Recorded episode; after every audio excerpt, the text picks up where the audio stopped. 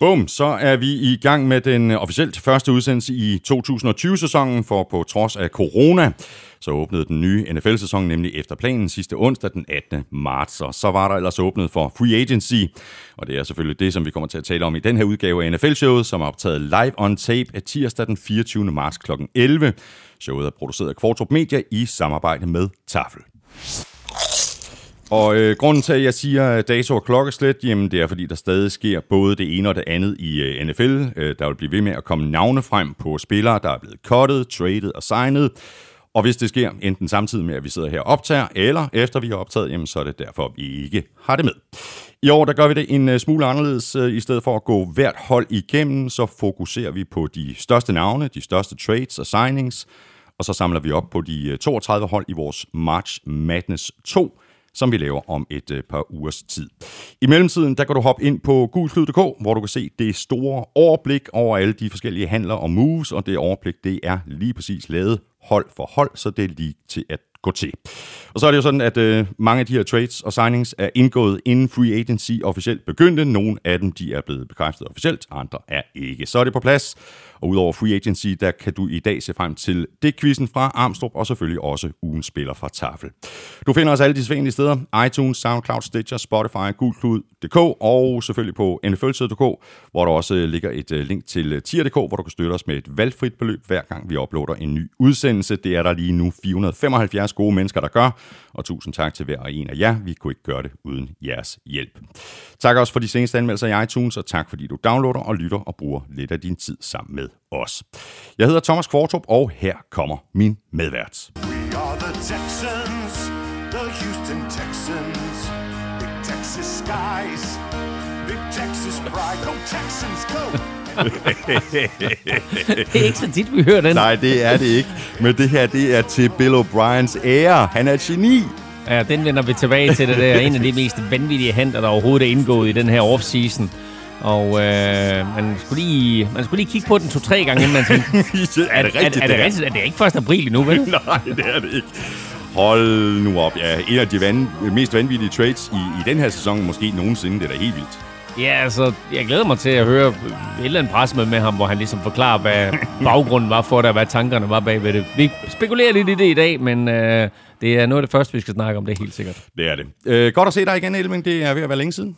Det er det. Det er, jo, det er jo forfærdelige tider, det her. Jeg skal lige høre, den her mikrofon, jeg sidder og taler i, er det den samme, som din fætter taler i, når jeg optager Borgen Unplugged? Det er fuldstændig korrekt. Er, er men den der spritet er, af? Der er, den er spritet af, og i øvrigt, så er der håndsprit på bordet. Ved, så, ja, er dejligt. Så, så, du, jeg så du, skal bare, du, skal, du skal bare give den gas. Sådan der. Sådan der. Og tillykke med fødselsdagen i øvrigt. Tak. Det var i fredags, ikke?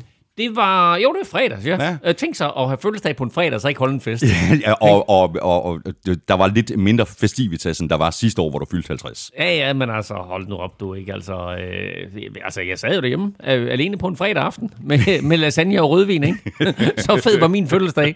Højdepunktet den dag, du var en, du var en god tur i fældeparken. Ja, men tillykke, tillykke med fødselsdagen. Mange tak. Øhm, har du fået nogle gode gaver, fordi Elming ellers så kan du betragte den sæk, der står øh, ved siden af dig.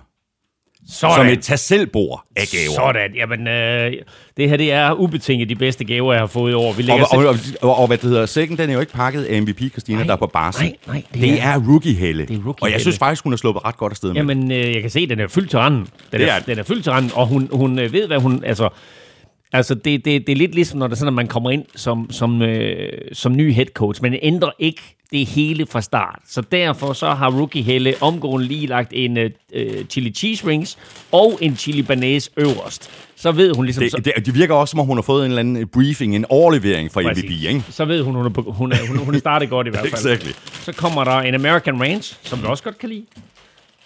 Så har vi... Øh, Hold, Holiday, udmærket, udmærket. Hun, øh, hun kører godt her. Og, og så to linse chips.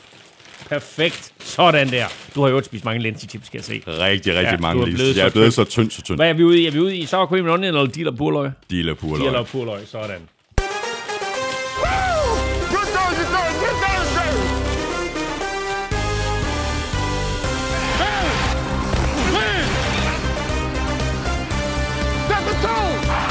Tom Brady er færdig i Patriots efter 20 imponerende sæsoner. En æra er forbi, og Brady skal nu i stedet spille for Buccaneers. Spørgsmålet er, hvad det store skifte kommer til at betyde for Bucks, for Patriots og for Brady selv.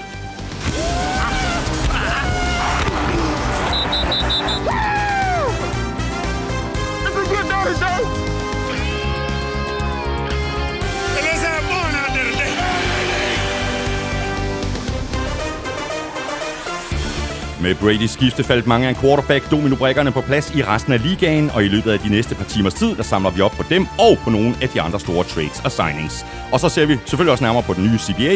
Jeg hedder Thomas Kvartrup, og med mig har jeg Claus Elming. Give me one now, Give me one, give me one. Er det godt med lidt uh, lynchips? Og de er mega gode. De er bare gode. De er bare gode. Men øh, så er vi i gang, Elming. Øh, lad os bare lige nappe en lille smule relateret til corona, øh, inden vi ser nærmere på den her nye overenskomst. Øh, NBA har været rimelig hårdt øh, ramt med, øh, med corona-smittet, men i NFL, der er det meget bekendt kun øh, Sean Payton, der er blevet smittet. Ja, i hvert fald officielt. Altså, der er helt sikkert flere smittet, det er klart. Men øh, de, øh, de har også haft en fordel, de har ligget stille øh, NFL, øh, og i det hele taget, så øh, kan NFL jo gå hen og være rigtig, rigtig heldig i den her situation, og være en af de eneste sportsligaer overhovedet på verdensplan, som ikke kommer til at blive berørt af corona. Mm. Nu ved vi selvfølgelig ikke, langt, hvor lang tid det her det kommer til at vare, om det er, om det er færdigt om, om to eller tre måneder, eller det kommer til at vare endnu længere. Fordi så er det klart, at så bliver NFL også berørt. Øh, men den foregående sæson, blev afviklet uden problemer. Vi fik spillet Super Bowl, øh, hvor vi godt var klar over, at der noget, der hed corona, men vel nærmest ikke tog det seriøst. Og øh, som alt ser ud nu, så kommer den øh, kommende NFL-sæson også til at blive spillet, øh, hvor vi kan kigge tilbage på corona som noget forfærdeligt noget. Ja, ja. Men øh, lad os nu ikke... Øh, lad os nu ikke uh, selv skinne, før bjørnen er skudt i et glashus. uh, fordi uh, det, det, det, vi, vi ved som sagt ikke, hvor langt det her det fører, hvornår det er slut. Nej, øh, og hvis øh, vi bare spolede tiden øh, to uger tilbage, jamen, øh, så var der mange, der ikke rigtig kunne tage det her alvorligt. Den, øh, de tider er, er forbi. Det, det er en meget, meget alvorlig ja, og, situation. og i USA også. Ja. Altså, alvoren er ved at gå op for folk i USA. Jeg talte med en god kammerat for et par uger siden. Der var han på natklub i Los Angeles.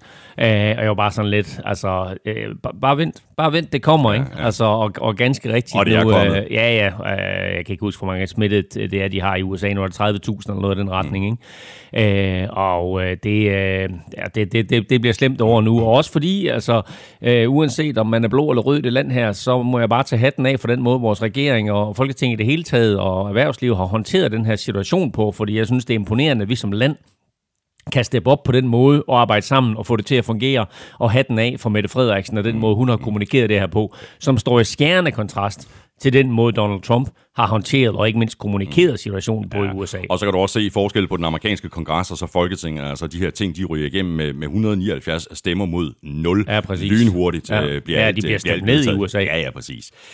Uh, spørgsmål her fra Martin T. Uh, Vilmos. Hvad tror I, coronavirusen kommer til at betyde for et NFL-holdene, og to, spillernes form og niveau, nu når OTA og minicamps er aflyst?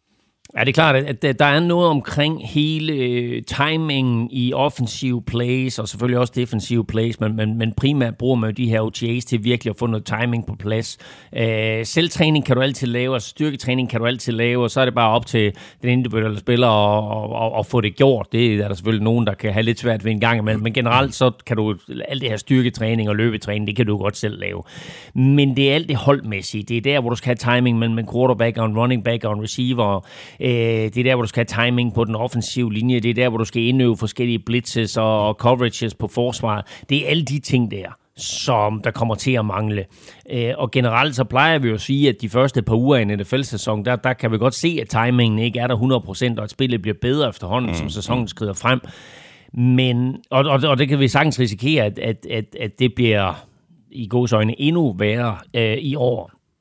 Men jeg håber, at de kan nå at, at få noget på plads, og NFL må måske også justere lidt, og så skubbe nogle af de her minicamps, så de kommer lidt tættere på hinanden. Øh, jeg tror ikke, de kommer til at skubbe sæsonen, som det ser ud nu i hvert fald, men, øh, men de kan godt skubbe det hele, sådan, mm, så det bliver mere komprimeret på en eller anden måde. Mm.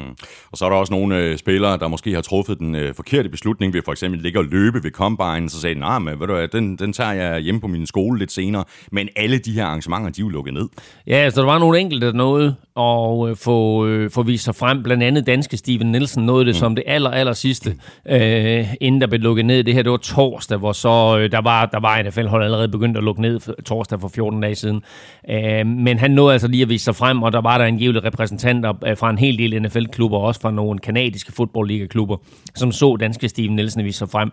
Og gå jo lige ind og tjekke Gul Klud øh, med de artikler, vi har skrevet om Steven Nielsen, fordi der er altså positive røster frem omkring ham, og også et øh, stort europæisk medie, der holder øje med alle europæiske øh, idrætsudøvere i USA, øh, de, øh, de, de, de kan godt lide ham, mm. øh, og har skrevet meget, meget positivt om ham. Vi oversat artiklen, den ligger ind på Google mm.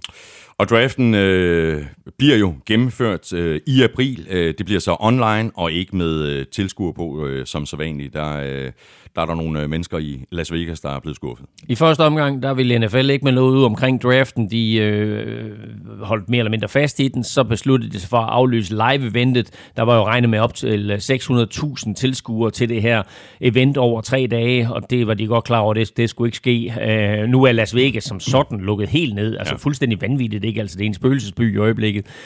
Men øh, nu er draften så også taget væk fra Las Vegas og kommer til at blive lavet i et tv-studie formodentlig i Los Angeles. Hvor mange eller hvor få mennesker, der kommer til at være i det tv-studie, det må tiden vise. Men draften bliver gennemført den 23. april, 24. april og 25. april som planlagt, men det bliver som sagt i tv-studiet, og så bliver det angiveligt med, at man stiller om til de forskellige øh, holds war room, altså der, hvor beslutningerne bliver taget, og man så kan følge general manageren og øh, draft-eksperterne og scoutsene og headcoachen og GM'en og finde ud af, hvad, hvad, mm. hvad, hvordan og hvorledes tager det en beslutning. Mm. Og jeg tror faktisk ikke, at det her det bliver en dårlig oplevelse for os, der sådan alligevel følger det på, på afstand. Det er selvfølgelig en skuffelse for de mennesker, der har sat næsen op efter at følge det live i Las Vegas. Oh, og så er det en skuffelse for Las Vegas selvfølgelig. Altså, nu, nu, er, nu har NFL efter, efter nogle års tiltag her, øh, lad os sige efter, efter, efter mange, mange år, øh, altså nærmest 100 år, hvor de har holdt sig væk fra syndens hule, så har de jo så endelig fundet ud af, hold kæft, der er så mange penge det sted der, så der skal vi hen, og vi skal også tage gambling med ind over, og så videre.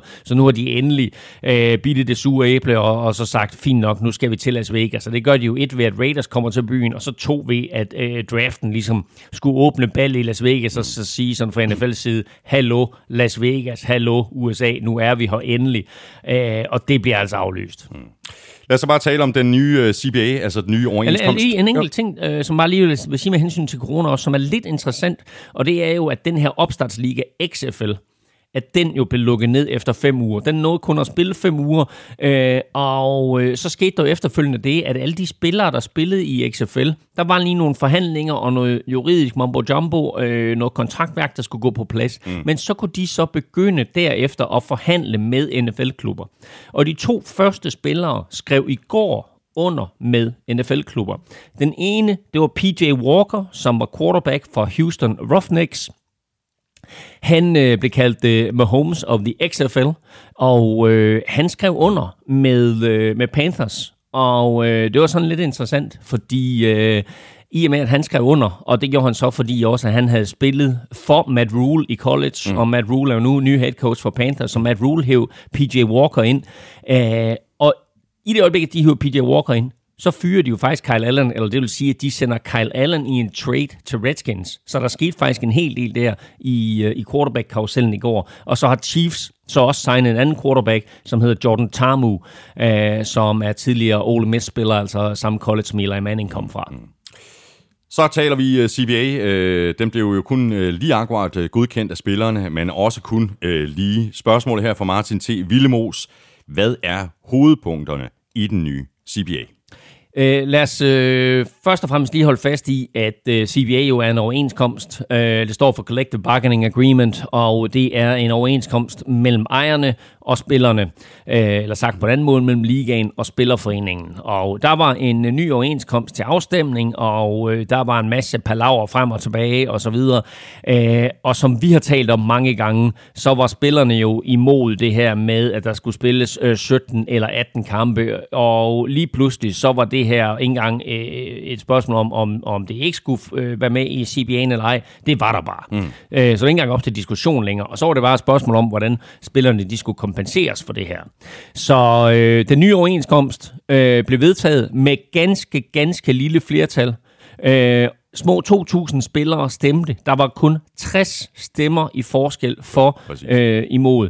Øh, der var 1.019, der stemte for, og 959, der stemte imod. Det vil sige, 31 stemmer skulle være faldet den anden vej så var det her altså ikke blevet vedtaget. Så der er sådan cirka 50% af spillerne, der er utilfredse med den her løsning, og 50% af spillerne, som enten er tilfredse, eller måske faktisk ikke er informeret nok omkring, hvad mm. det her det betyder.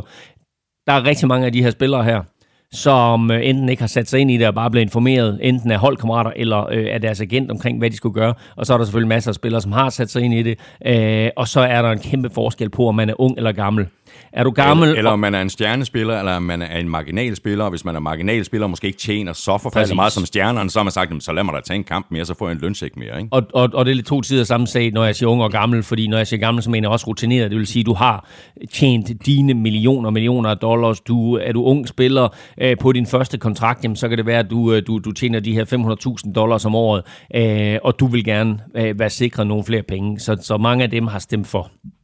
Men for lige at øh, løbe de væsentligste punkter igennem. Så det aller, aller første, der sker nu her, det er jo, at der kommer 14 hold i slutspillet til januar. Det vil sige, at slutspillet bliver udvidet fra 12 hold til 14 hold. Det er en, en, en ganske betragtelig udvidelse, og betyder så også, at der kommer tre wildcard-kampe, øh, eller seks wildcard-kampe, tre i, i både AFC og NFC i den første playoff-weekend. Så kommer der 17 kampe i grundspillet. Det bliver først fra tidligst 2021-sæsonen, og måske først fra 2022-sæsonen, men det er jo ret spændende med de her 17 kampe i grundspillet. Det er også spændende at se, hvordan NFL de håndterer det, fordi systemet, som det er nu, synes jeg jo er super dejligt. Vi ved præcis, hvem der skal møde hinanden. Vi ved øh, langt ud i fremtiden, hvem der skal møde hinanden. Og vi ved, at du har otte hjemmekampe og otte udekampe. Mm.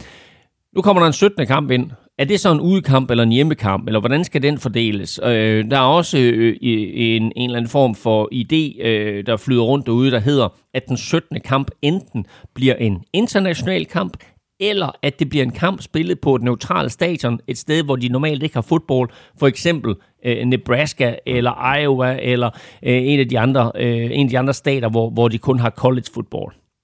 Men den tid, den sov. Øh, Spillerne får for det her en større andel af pengene. De fik 47 procent af de samlede indtægter øh, tidligere. Nu får de så 48 procent, og det kan så stige til 48,5 eller faktisk helt op til 48,8, afhængig af, hvor stor en tv-deal øh, NFL de skriver. Mindstelønnen som er vigtig for unge spillere, blev hævet til 610.000 dollars om året. Øh, det er faktisk 100.000 op, eller omkring 20 procent op, så det er en, det er en væsentlig øh, forøgelse. Og så ved jeg ikke helt, om det her det allerede er for næste år, øh, eller det først er fra det øjeblik, at der kommer 17 kampe. Jeg tror først, det er for øjeblik, der kommer 17 kampe, men spillertruppen på kampdag bliver udvidet fra 46 til 48 spillere. Øh, og af de 48 spillere, der er der så øh, en, som man kalder en emergency offensive lineman. Han må kun komme ind, hvis de andre er skadet. Så reelt set er udvidelsen til 47, og så plus den her øh, ekstra skadespiller, om man vil. Practice squad bliver udvidet fra øh, først øh, fra 10 til 12 spillere, og så videre til 14 spillere, og minimumslønnen stiger til 11.500 dollars om ugen det er altså meget godt mm, for en mm, practice squad-spiller, mm, ikke? Altså, det er en 70.000 øh, kroner om, om ugen derfor. Og jeg synes også, lige præcis den del her er, er både godt for, for spillerne og for holden, at practice squad bliver, bliver bliver forøget. Ja, men helt sikkert og også, fordi vi har set, at der i XFL jo faktisk har været nogle spillere, som, øh, som har haft noget, noget kvalitet og noget talent. Nu må vi så se, hvor langt det talent det, det bærer dem, når de skal spille mod nogen på deres eget niveau eller bedre. Hvor når de spiller på XFL-niveau, så har de vist sig flot frem. Øhm, men de spillere har faktisk haft øh, en plads på mange holds practice squad tidligere, øh, og nu bliver den her practice squad altså udvidet. Men det er også øh, en, en, en anden lille ting ved det her practice squad, det er, at du kan øh, få frem en spiller fra practice squad til din aktuelle trup på kampdag, og så sende ham tilbage på practice squad. Det har du ikke kunnet før, Nej. men det kan du altså nu, og det er også for at få flere spillere øh, i spil og få at, at øh, imødekomme øh, skader og så videre. Og så lige den sidste ting, som jeg er ret sikker på, at vi har meget, meget svært ved at forstå her i Danmark. Øh, det er øh, meget lempelige, øh, eller skal vi sige overhovedet ingen karantæner for brug af euforiserende stoffer. Det vil sige sådan noget som marihuana, kokain, alkohol, MDMA øh, og andre euforiserende stoffer, som du bliver taget for. Du får ingen spillekarantæne for nogen af dem. Du kan blive trukket i løn, men du, du får stadig lov til at spille. Hmm. Bliver du taget for sådan noget som steroider og præstationsfremmende midler, så er der stadigvæk karantæner, så gælder der stadigvæk dopingregler. Men alle euforiserende stoffer her, som NFL og Spillerforeningen, altså især Spillerforeningen, på en eller anden måde slår en over en kamp, at de er smerte dulmende. Mm. Øh, dem får du altså ikke karantæne for. Mm. Hvad med øh, trænerne? Får de øh, karantæne, hvis de tager euforiserende stoffer? Jeg tænker på Bill O'Brien. han har, han har, jeg ved ikke, hvad det er for noget, han har taget, men han har været høj på alt muligt. Han har, han har taget en lille kombination af det der. Der er en, en lille sjov historie her. Grunden til, at, at det doping hedder doping, det er, at det kommer af det, af det, af det kolumbianske dop. Og dop var sådan en, en mixtur, hvor du hældte kokain og alkohol og, og flere forskellige andre stoffer sammen, og så lavede du sådan en mix, og så drak du det der. Øh, det hed dop, og deraf kommer ordet doping. Se, det kan man lære Ja. i NFL-showet. Sådan der. Lille spørgsmål her fra Andreas Lindekilde Engberg i forhold til de 17 kampe. Han skriver sådan her. Vil 17 kampe i grundspillet komme til at have en negativ effekt på længere sigt? Altså, ja, altså hvis du ser på det på den måde, at øh, 16 kampe i sig selv er hårdt nok i forvejen, og at øh, det gør af, at spiller amerikansk fodbold, og spillerne har, hår, har svært nok ved at komme igennem en sæson øh, uden skader, så er det klart, at det er jo en af grundene til, at øh, J.J. Watt, Richard Sherman med flere, med Aaron Rodgers, var meget udtalte omkring det her. Vi skal ikke op på 17 kampe.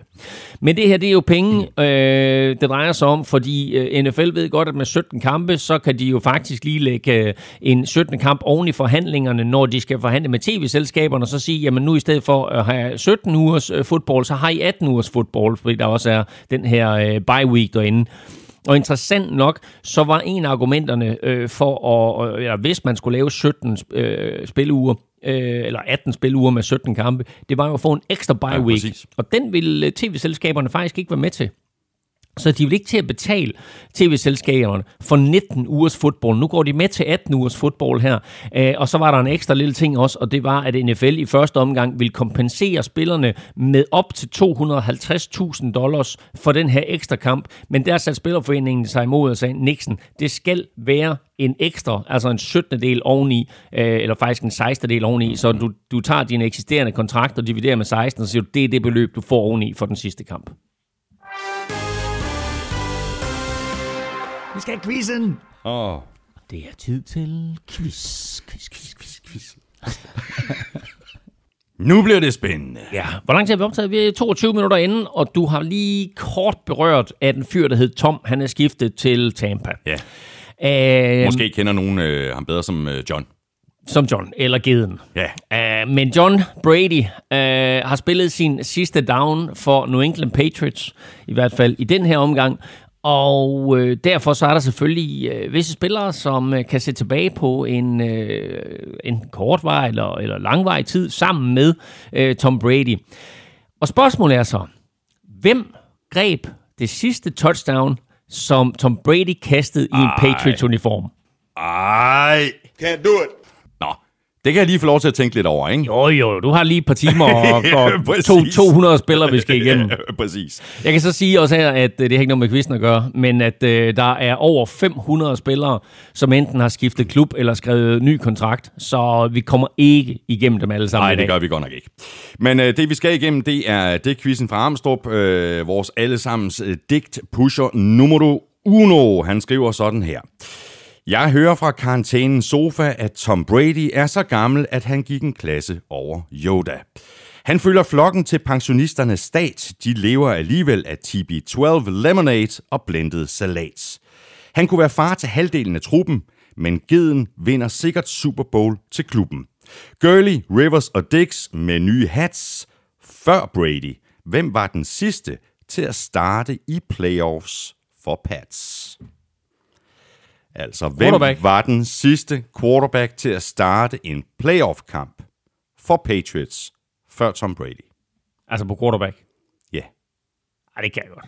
det kan du godt. Ej, det vil jeg Er tro. du sikker? Nej, det er jeg ikke, men det vil jeg tro. For jeg kunne ikke. Er det rigtigt? Ja. Uh, nå, den er svær. Nå, hvis du ikke kan det. Hov, hov, hov, hov. Nå, okay, interessant. Den her jeg regnet med, den var lige ved landevejen. Og det er faktisk øh, det er Brian Nørmark, øh, der har pushet til Dick Pusheren endnu en gang. Det er jo ikke, det er jo ikke Ej. første gang, at Brian Nørmark Ej, han, det er- har, det- han, har, han har fundet et eller andet øh, nitty-gritty her, som, øh, Åh, som så- måske er, så trækker jeg er lidt svært igen. at, Så trækker jeg at tilbage svare på. Nå, godt. Ja, men ved du hvad, øh, nu tager vi hul på free agency, Elming. Øh, ja. Vi gør det, som sagt, øh, helt anderledes end de øh, foregående år. Vi nævner langt fra alle spillere, du har også lige sagt det. Vi har valgt en del ud. Dem taler vi så om nu, og så samler vi op på holdene i March Madness 2, når vi har fået et øh, endnu bedre billede af, hvordan de enkelte hold har ageret, fordi så kan vi nemlig også sådan begynde at danne os øh, et billede så småt af, hvad de enkelte hold måske kunne tænkes at gøre i draften. Må, måske, øh, Elming, at vi lige skulle forklare franchise tag, inden vi går i gang. Jamen kort fortalt, så har klubberne jo mulighed for at øh, smide sådan et skilt øh, omkring halsen på deres spillere, eller på en spiller, hvor de ligesom beskytter ham, og så siger, det her det er vores franchise-spiller. Det var en regel, der oprindeligt blev sat ind for at beskytte quarterbacks, sådan så en Miami Dolphins ikke mistede Dan Marino, eller andre store øh, eller andre klubber ikke mistede store quarterbacks. Men nu er franchise-tagget blevet øh, sådan et tag, som man kan sætte omkring en hvilken som helst spiller. Og kort fortalt, når man gør det, så beskytter man spilleren spilleren. Han kan stadigvæk godt skrive under med andre klubber, men så bliver man kompenseret med draft picks.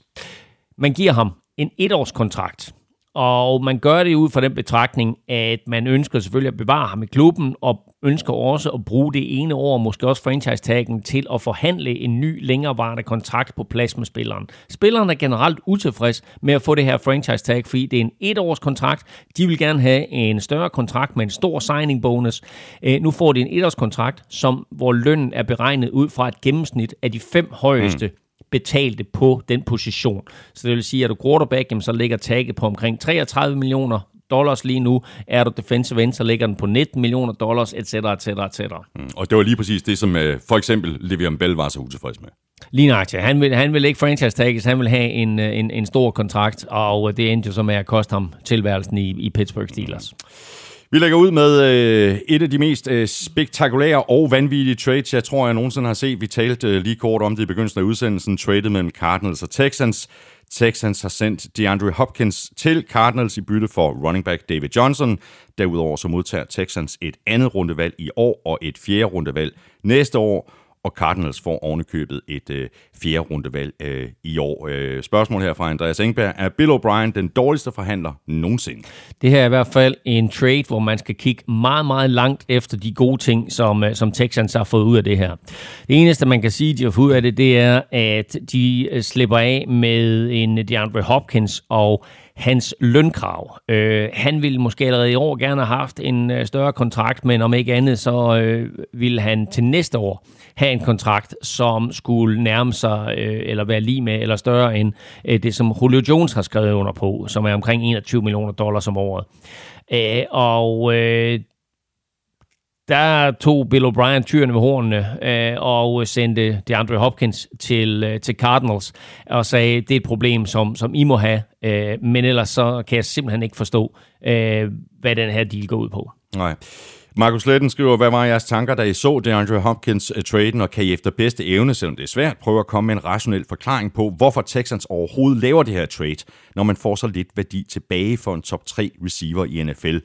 Du har lige uh, nævnt, at det kunne være et mm. lønspørgsmål i, i forhold til DeAndre Hopkins, men som Markus Letten uh, skriver, Stefan Dix for eksempel, han blev traded for et første rundevalg. Og det, når du sammenligner de to trades, så er der ikke noget som helst, det giver mening. Vikings får kassen for Stefan Diggs. De får et første rundevalg, et fjerde rundevalg, et femte rundevalg og et sjette rundevalg. Texans får et andet rundevalg, og så får de David Johnson. Øh, mm, men altså David Johnson har jo været elendig de seneste to sæsoner. Han var skadet meget øh, for tre år siden, han var skadet en hel del for to år siden, og han var øh, øh, altså direkte elendig i de kampe, han spillede sidste år for, for, for Cardinals. Så øh, jeg glæder mig til at se, hvordan de tænker, at de skal udnytte David Johnsons kvaliteter. Og jeg synes jo, det er en katastrofe, at du skiller øh, markerparet DeAndre Hopkins og Will Fuller ad. Især når man tænker på, hvor skadet Will Fuller har været. Når de to de er sammen, og når de begge to er skadesfri, så er det en virkelig magisk duo.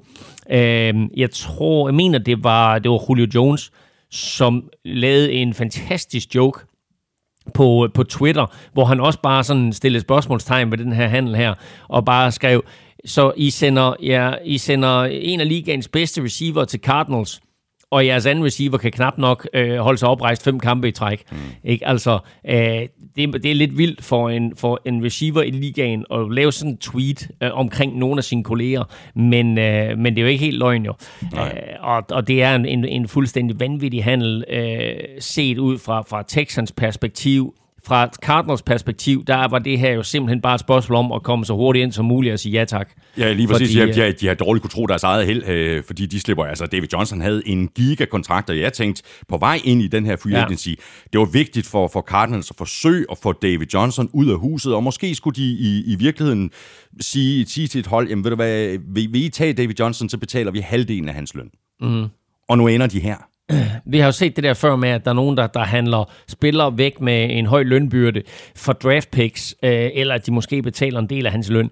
Øh, vi så det med Brock Osweiler, eller vi har set det med flere andre tilfælde. Det er noget, der, der sker rigtig, rigtig tit i, øh, i både baseball og basketball, ikke så tit i NFL.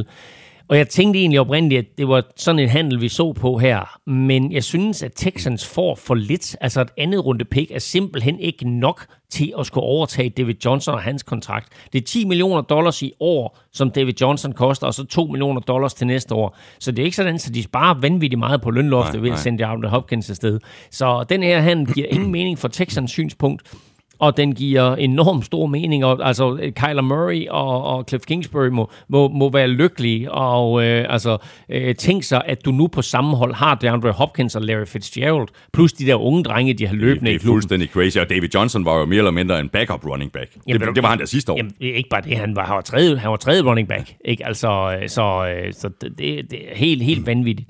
Øh, den sidste ting, øh, jeg lige vil sige med, øh, med, med, med den her trade her, det er jo, at øh, Cardinals nu øh, får en DeAndre Hopkins ind, de har en Larry Fitzgerald, de har Kyler Murray, øh, hvor hvis vi kigger på, på Texans, jamen det her anden runde pick, de kan da sagtens bruge det på en receiver, men, øh, og, og, og man kan også sige, at Texans, de har jo ikke nogen valg i første runde eller anden runde, før de laver den trade her. Nu kommer de trods alt ind i anden runde men at få et anden runde pick for DeAndre Hopkins, og når du, når du trader øh, så mange dygtige spillere væk, som de har gjort igennem de sidste par sæsoner, uden at få mere værdi for dem, end, end de har gjort på noget tidspunkt, så må vi også sige, at Bill O'Brien, han er ikke øh, specielt heldig Ej, med, med, med sine dispositioner. Nej, Morten Seider opsummerer det faktisk øh, her.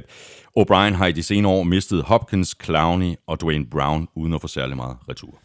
Ja, altså, jeg tror, de fik et, øh, tredje runde pick for Clowney, ikke? De har fået en anden runde pick for DeAndre Hopkins, og de fik, var det et, et, et fjerde og et femte runde pick for Dwayne Brown, ikke? Og Dwayne Brown, han kom efterfølgende i Pro Bowl og øh, har været en stabil force for, for Seattle Seahawks. Så altså, de, og, og, og mistet sådan tre spillere som det der, uden på noget tidspunkt at få et første runde pick, det er helt vanvittigt. Fuldstændig vildt. Og øh, altså, Bill O'Brien, øh, der, han, har ting, han har ting over sig, jeg godt kan lide, men altså, øh, det her, det er, bare, det er bare ikke godt nok, og det er ikke dygtigt nok forhandlet, så altså, han, han må være en af de coaches, der er på vippen. Mm.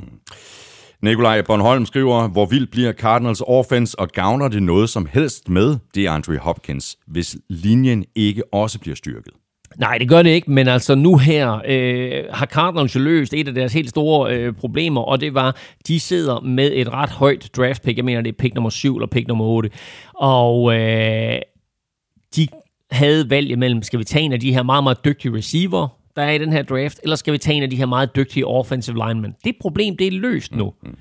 De har skrevet kontrakt med deres øh, eksisterende øh, venstre tackle, DJ Humphries, og nu kan de så gå ind og drafte en af de her øh, unge offensive linemen, der kommer ind. Øh, der er en, en Jarek Willis eller en Mickey Beckton, øh, som er en af de to spillere, som man forventer går deroppe i toppen, og må ikke, at øh, Cardinals de går med Jarek Willis. Øh, han kunne være en enorm god forstærkning for dem, og så pludselig så har du styr på begge de to tackle-positioner, og så skal du så have styr på den indvendige del. Men altså, øh, der sker gode ting i Cardinals, og sådan overordnet set, hvis man ser på NFC West, så bliver det en frygtelig, frygtelig division til næste år. Helt vanvittigt. Så hopper vi i øh, quarterback-karusellen. Vi begynder selvfølgelig med The GOAT, Tom Brady, som blev rygtet både det ene og det andet sted hen. Det endte altså med TB12 til TB. Brady har øh, ifølge Adam Schefter skrevet under på en toårig aftale med boks til en årsløn på omkring 30 millioner. Og han kommer ind på et hold, hvor han skal coaches af Bruce Arians, og hvor han kigger ud på sine receiver og tight ends, og så tænker han, wow, Hold op. jeg har aldrig haft sådan en samling af superstjerner. Godt nok har han spillet sammen med Gronk, og han har spillet sammen med Randy Moss, og han har haft andre spillere, men han har aldrig haft så mange våben samlet på samme tid. Der, hvor man kan sige... Mike at Evans, Chris Godwin, øh, O.J. Howard. Cameron Braid, Ja. øh, og så Ronald Jones på running back. Øh, Peyton Barber har de også, selvom han er free agent i øjeblikket og ikke har skrevet under. Øh, men øh, hvis vi kigger på det angreb, som det er lige nu, så nævnte du dem faktisk lige. To vanvittigt dygtige receiver og to tight ends. Og det kunne godt betyde, at øh, Bruce Arians kunne gå tilbage og kigge på nogle af de ting, som Brady havde succes med i den periode, hvor, øh, øh, hvor, hvor Patriots kørte double tight end set. Øh, der, hvor de havde mest succes, var jo dengang, de havde Gronk og så Aaron Hernandez jo. Mm-hmm. Øh, men det er sådan noget, man godt kunne kigge på og se, hvad er det, hvad er det øh, som Brady gør godt i de her situationer. Så skal de have fundet ud af, om Ronald Jones øh, er en running back, der kan gribe bolden på samme måde, som de har haft øh, succes med i Patriots, med for eksempel James White eller Sonny Michel eller andre, som har været dygtige til at gribe bolden ud af running back-positionen. Øh, eller de skal hive en, en ny mand ind der, eller, eller hvad de gør. Øh, men generelt set, så skal øh, Buccaneers nok omstille deres angreb til at blive lidt mere short passing, mm. lidt mere øh, hen over, ind over midten, lidt mere play action, og så må vi se, hvad der sker med, øh, med, med, med de dybe bolde. De bolde, som Brady ikke har tilbage i armen, det er jo sådan nogen som den dybe out, den dybe comeback. Øh, han kan sagtens kaste en fly, det er jo ikke et spørgsmål om at, at have armstyrke som sådan, det, det, det, det, kan- det kan du godt. Men altså, øh, timingruterne ind over midten og de her korte outs og så videre, det er der, hvor han skal excellere. Mm. Og så er det bare mig til James Winston. Øh, hvad, Ikke endnu. Nej, men hvad kommer der til at ske med ham? Jamen altså angiveligt så forhandler øh, Buccaneers jo en, øh, om, om, om han vil blive i klubben og, og være backup til, øh, til, til Brady, og det kan James jo så overveje lidt, hvad han, hvad han tænker om, fordi han kommer nok ikke til, altså han kommer ikke til at starte for, for, for Buccaneers de næste to år, medmindre Brady bliver skadet, men altså kunne han lære noget af Brady? Uh, altså han, han, han kan jo vælge at se det som en investering i fremtiden også. Mm. Han er trods alt stadigvæk ung, øhm, og øh, det kan da godt være, at det er sådan, at han ønsker at spille på hold med, øh, med, med Tom Brady. Han har ikke skiftet klub endnu. Og jeg tror, at vi har øh, tre spillere. Vi har en øh, James Winston, vi har en Andy Dalton, og vi har en Cam Newton. De sidste to er jo på kontrakt og skal dermed enten trades øh, eller cuttes. Men de tre har ikke fundet sig nye arbejdspladser endnu. Og der tror jeg lige, vi skal forbi draften for at se, hvad der sker der, før vi finder ud af, hvad er der af åbninger rundt omkring i ligaen. Uh, og så kan det godt være, der sker noget. Mm. Men uh, indtil videre, der ligger uh, Buccaneers og James Winston altså i forhandlinger. Mm. Nu står øh, Patriots og Bill Belichick så i en øh, helt, helt ny øh, situation øh, efter øh, 20 år. Anders Erbo Hansen skriver, øh, det er indiskutabelt, at en af grundene til Patriots langvarige dynasti var kontinuiteten på head coach og quarterback. Men hvem tror I får størst succes i fremtiden uden den bedre halvdel? Tom Brady eller Bill Belichick? Ja, det er jo øh, et spørgsmål, som det er fuldstændig umuligt for os at besvare, men når man kigger på, hvad der sker med Patriots i øjeblikket, så må man også bare se på, hvor stor en betydning Tom Brady har haft for evnen til at hive dygtige spillere ind til, øh, til Patriots. Alle spillere, der var på det frie marked, de har jo haft den her øh, de har haft den her overbevisning om, at hvis de tog til New England, så var der en god chance for, at de vandt et mesterskab. Med Brady væk, så er det jo angiveligt vendt om nu, at øh, free agents, spillere eller agenter ringer til Buccaneers nu og siger, hey, vi kunne da egentlig godt tænke os at komme ned og spille for jer, hvis det er. Mm. Så det er den effekt, Tom Brady han har haft. Samtidig så må vi sige, at øh, New England Patriots er i gang med at blive ribbet. Øh, de, har, de har mistet øh, Jamie Collins, de har mistet Landon Roberts, de har mistet Duron Harmon, bare for at nævne nogen på forsvaret. Øh, de har mistet et par angrebsspillere også. Øh, så der er andre klubber, som er i gang med at, øh, at, at, at tage spillere væk fra Patriots. Mm. Hvis du ser på Patriots spillertrup lige nu, og det her det er faktisk noget, vi har sagt før, og Bill Belichick er en mester i at få en masse ud af ingenting. Men hvis du ser på Patriots spillertrup nu, så synes jeg jo, den er et sted imellem middelmodig og ringe. Så der skal ske en hel del i, i draften, og så skal Patriots også have fundet ud af, hvad de gør på quarterback. Ja, præcis. Fordi nu nævner du Andy Dalton, du nævnte Cam Newton. Så er spørgsmålet med Jacoby Brissett, øh, fordi spørgsmålet er, om han skal ja. tilbage til New England, mm. fordi Colts har jo skrevet under med ja. Philip Rivers. Og så har de jo øh, en fyr, der hedder Jared Stidham inden, som de draftede, mener, sidste år, og så har de lige skrevet under med Brian Hoyer, øh, som er tilbage i Patriots-uniform, men der er ikke nogen af dem, som, øh, som på nogen måder... Øh, sender et signal ud omkring, at, at, at de kan vinde 11 kampe og sende det her klub i slutspillet. Øh, så de, øh, nu, nu må vi se, hvem, hvem Patriots de drafter i 6. runde i år.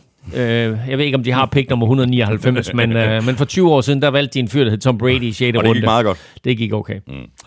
Ravers har øh, som sagt skrevet under på en etårig kontrakt øh, til omkring 25 millioner med Coles. Øh, Ravers er 38, han spillede 16 år for Chargers det her det er måske hans øh, sidste chance for en, øh, for en ring. Øh, Sebastian Søby skriver, hvor står mine elskede Coles efter købet af Rivers? Personligt vil jeg hellere have set dem satse på at få den rigtige quarterback i draften. Øh, hvad hedder han? Mikkel Søby? Sebastian Søby. Sebastian Søby. Øh, Sebastian, jeg tror, det her det er et godt move på den korte bane, øh, fordi Colts har et øh, piv åbent vindue lige nu i øh, AFC South-divisionen. Mm. Texans må betragtes som svagere, end de var sidste år. Jacksonville kan være blandt de to-tre dårligste klubber overhovedet i NFL. Øh, og Titans er gode, men hvor gode er de egentlig, og kan de fortsætte på den succes, som de havde sidste år? Colts har et rigtig, rigtig godt mandskab. Nu har de opgraderet den defensive linje med DeForest Buckner, det vender vi tilbage til. Øh, de har en... Øh, synes jeg, en, et talentfuldt mandskab på begge sider af bolden. Mm. De har en offensive line, som er blandt ligaens bedste. Og hvis der er noget, Philip Rivers har brug for, så er det en offensive line, der kan beskytte ham. Det har han ikke haft i de sidste 2, 3, 4, 5 år. Øh, og måske også derfor har han haft det svært. Og derfor er det også en af grundene til, at der er mange, der siger, at Philip Rivers han er færdig. Lad os nu lige prøve at se ham bag ved en offensive line, bag ved et løbeangreb, og så lad os se, hvad han har tilbage i tanken. Og så må vi se, øh, der, er en, der er en af vores skribenter på Gud Klud, der kalder det at, at armponde, den måde han kaster bolden på.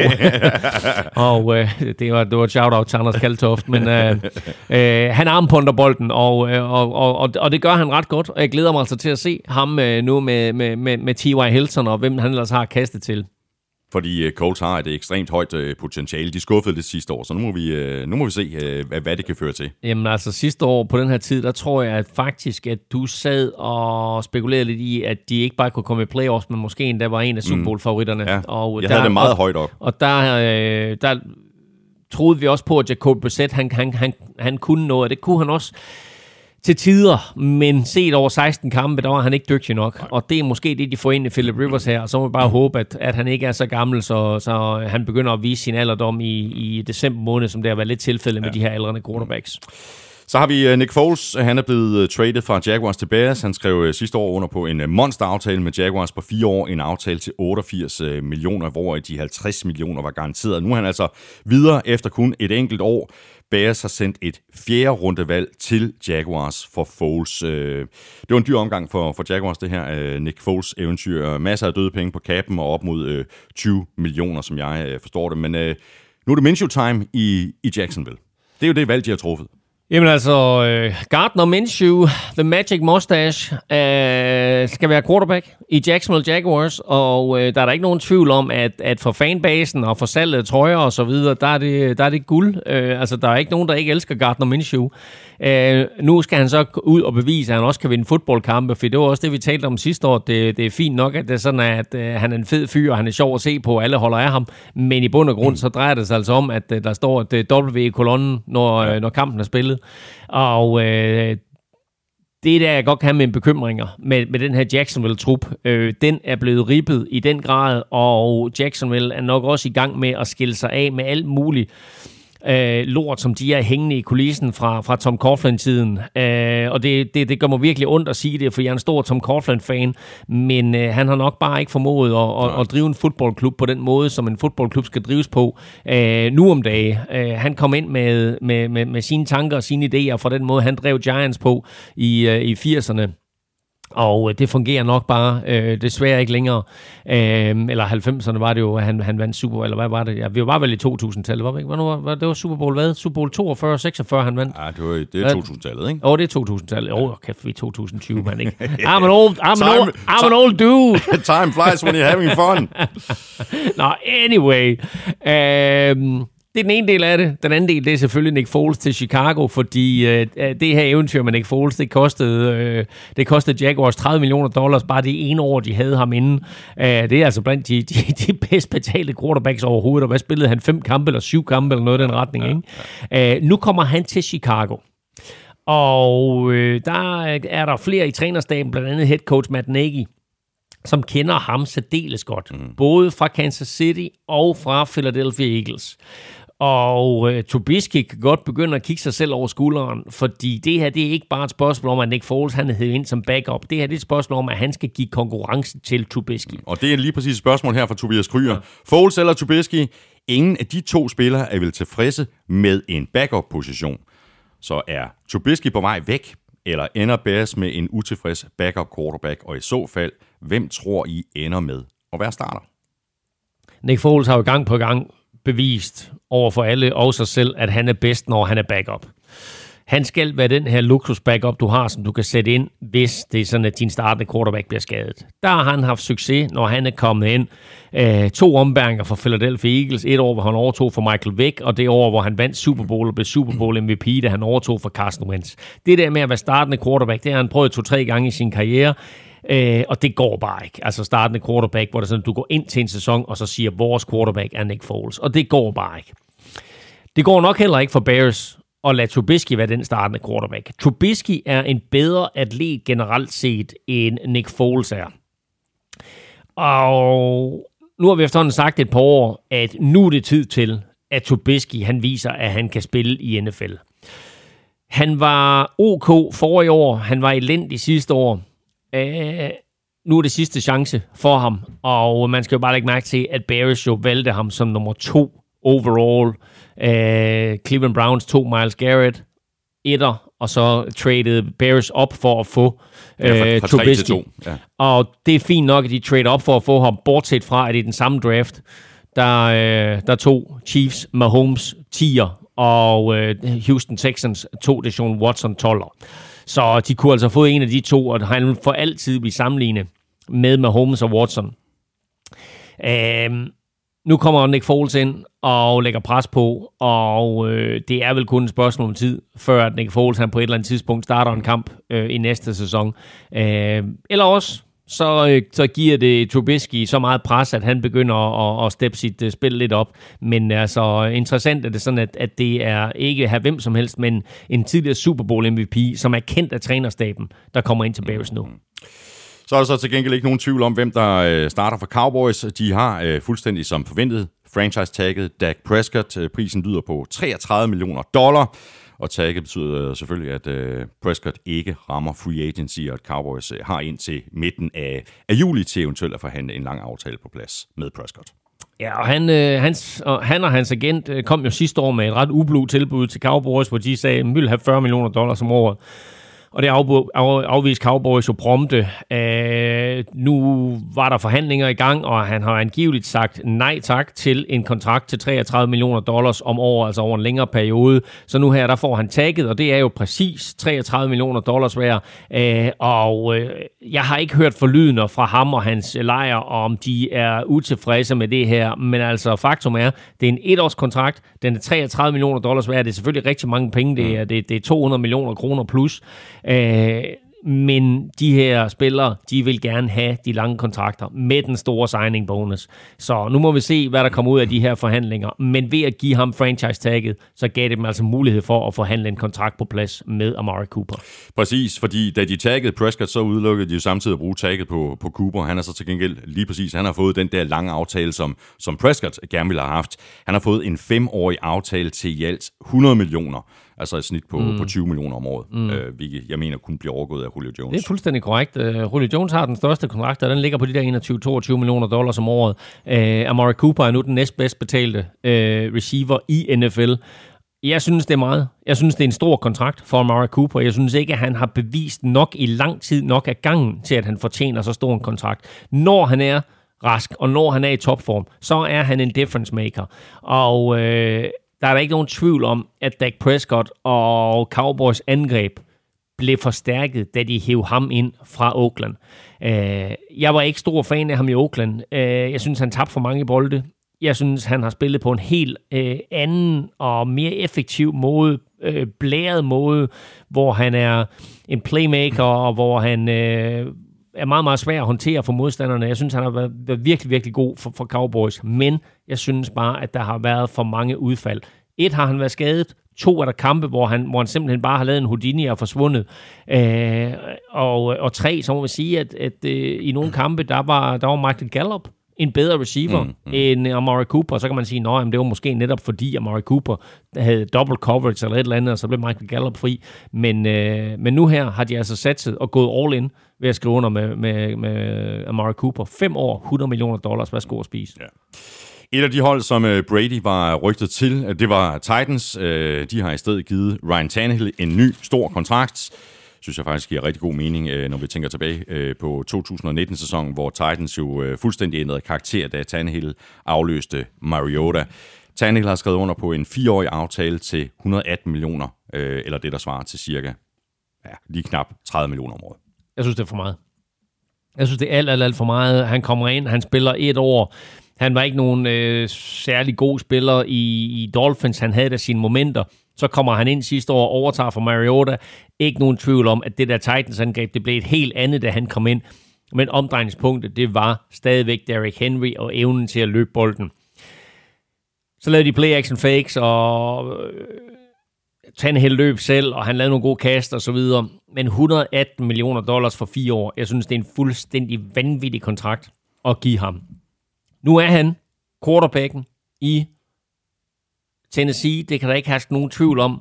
Øh, og dermed så er Mariota også sendt videre, øh, som vi spekulerede i, og han skal være backup i øh, Las Vegas Raiders. Mm.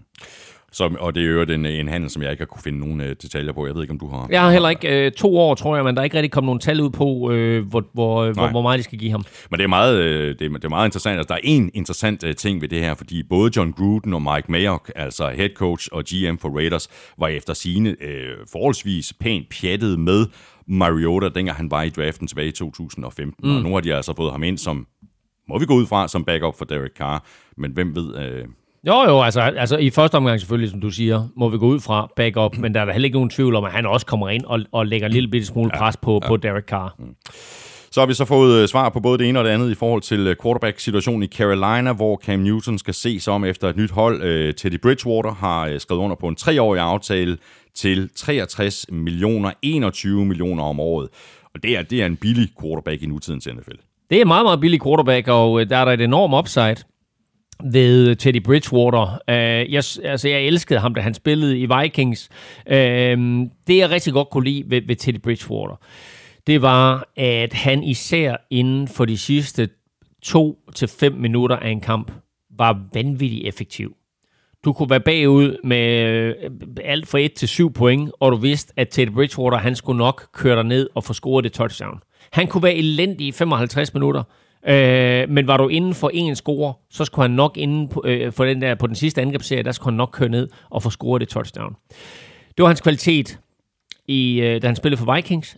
Da han spillede for Saints, var han jo primært backup, men kommer jo ind fem kampe sidste år, vinder alle fem kampe. Gør det fremragende. Og gør det fremragende, og gør det ikke sværere, end det er. Bliver selvfølgelig hjulpet af, at øh, Saints også havde et godt forsvar sidste år, bliver selvfølgelig hjulpet af, at han havde nogle gode playmakers, og så er det uanset, om du hedder Drew Brees, eller du hedder Taysom Hill, eller du hedder Teddy Bridgewater, så ved du godt, at du skal kigge efter Michael Thomas. Øh, og det gjorde han, og det gjorde han effektivt. Og på baggrund af de fem kampe, så kommer han altså ud nu og bliver starter i Carolina Panthers, og da vi sad her sammen sidst, der spekulerede vi lidt i, hvor Teddy Bridgewater han ville ende hen, og jeg sagde, jeg tror ikke, at han kommer til at få en starterplads noget sted. Jeg tog fejl. Ikke bare får han en starterplads, han kommer ud og slår decideret Cam Newton, om ikke af holdet, så i hvert fald ud af holdet, fordi Cam Newton er blevet bedt om af Carolina mm. at finde en ny klub. Han må nu lede efter en trade. Og hvis det ikke lykkes, så ender han med at blive fritstillet. Så bliver han kottet, ja. øh, og så kan de jo spille spillet, øh, fordi øh, hvis, han, hvis, han bliver, hvis han bliver kottet, så kan han gå ud og forhandle en ny kontrakt og sådan noget. Hvis han bliver traded, så er der en klub, der skal overtage hans nuværende kontrakt, og det kan godt blive svært. Mm. Christoffer Resen Bensen øh, skriver til os, øh, sig mig, er det bare mig, eller er Panthers i gang med at implodere? Quarterback-udviklingen af en bummert af bibelske dimensioner. Uh, ja.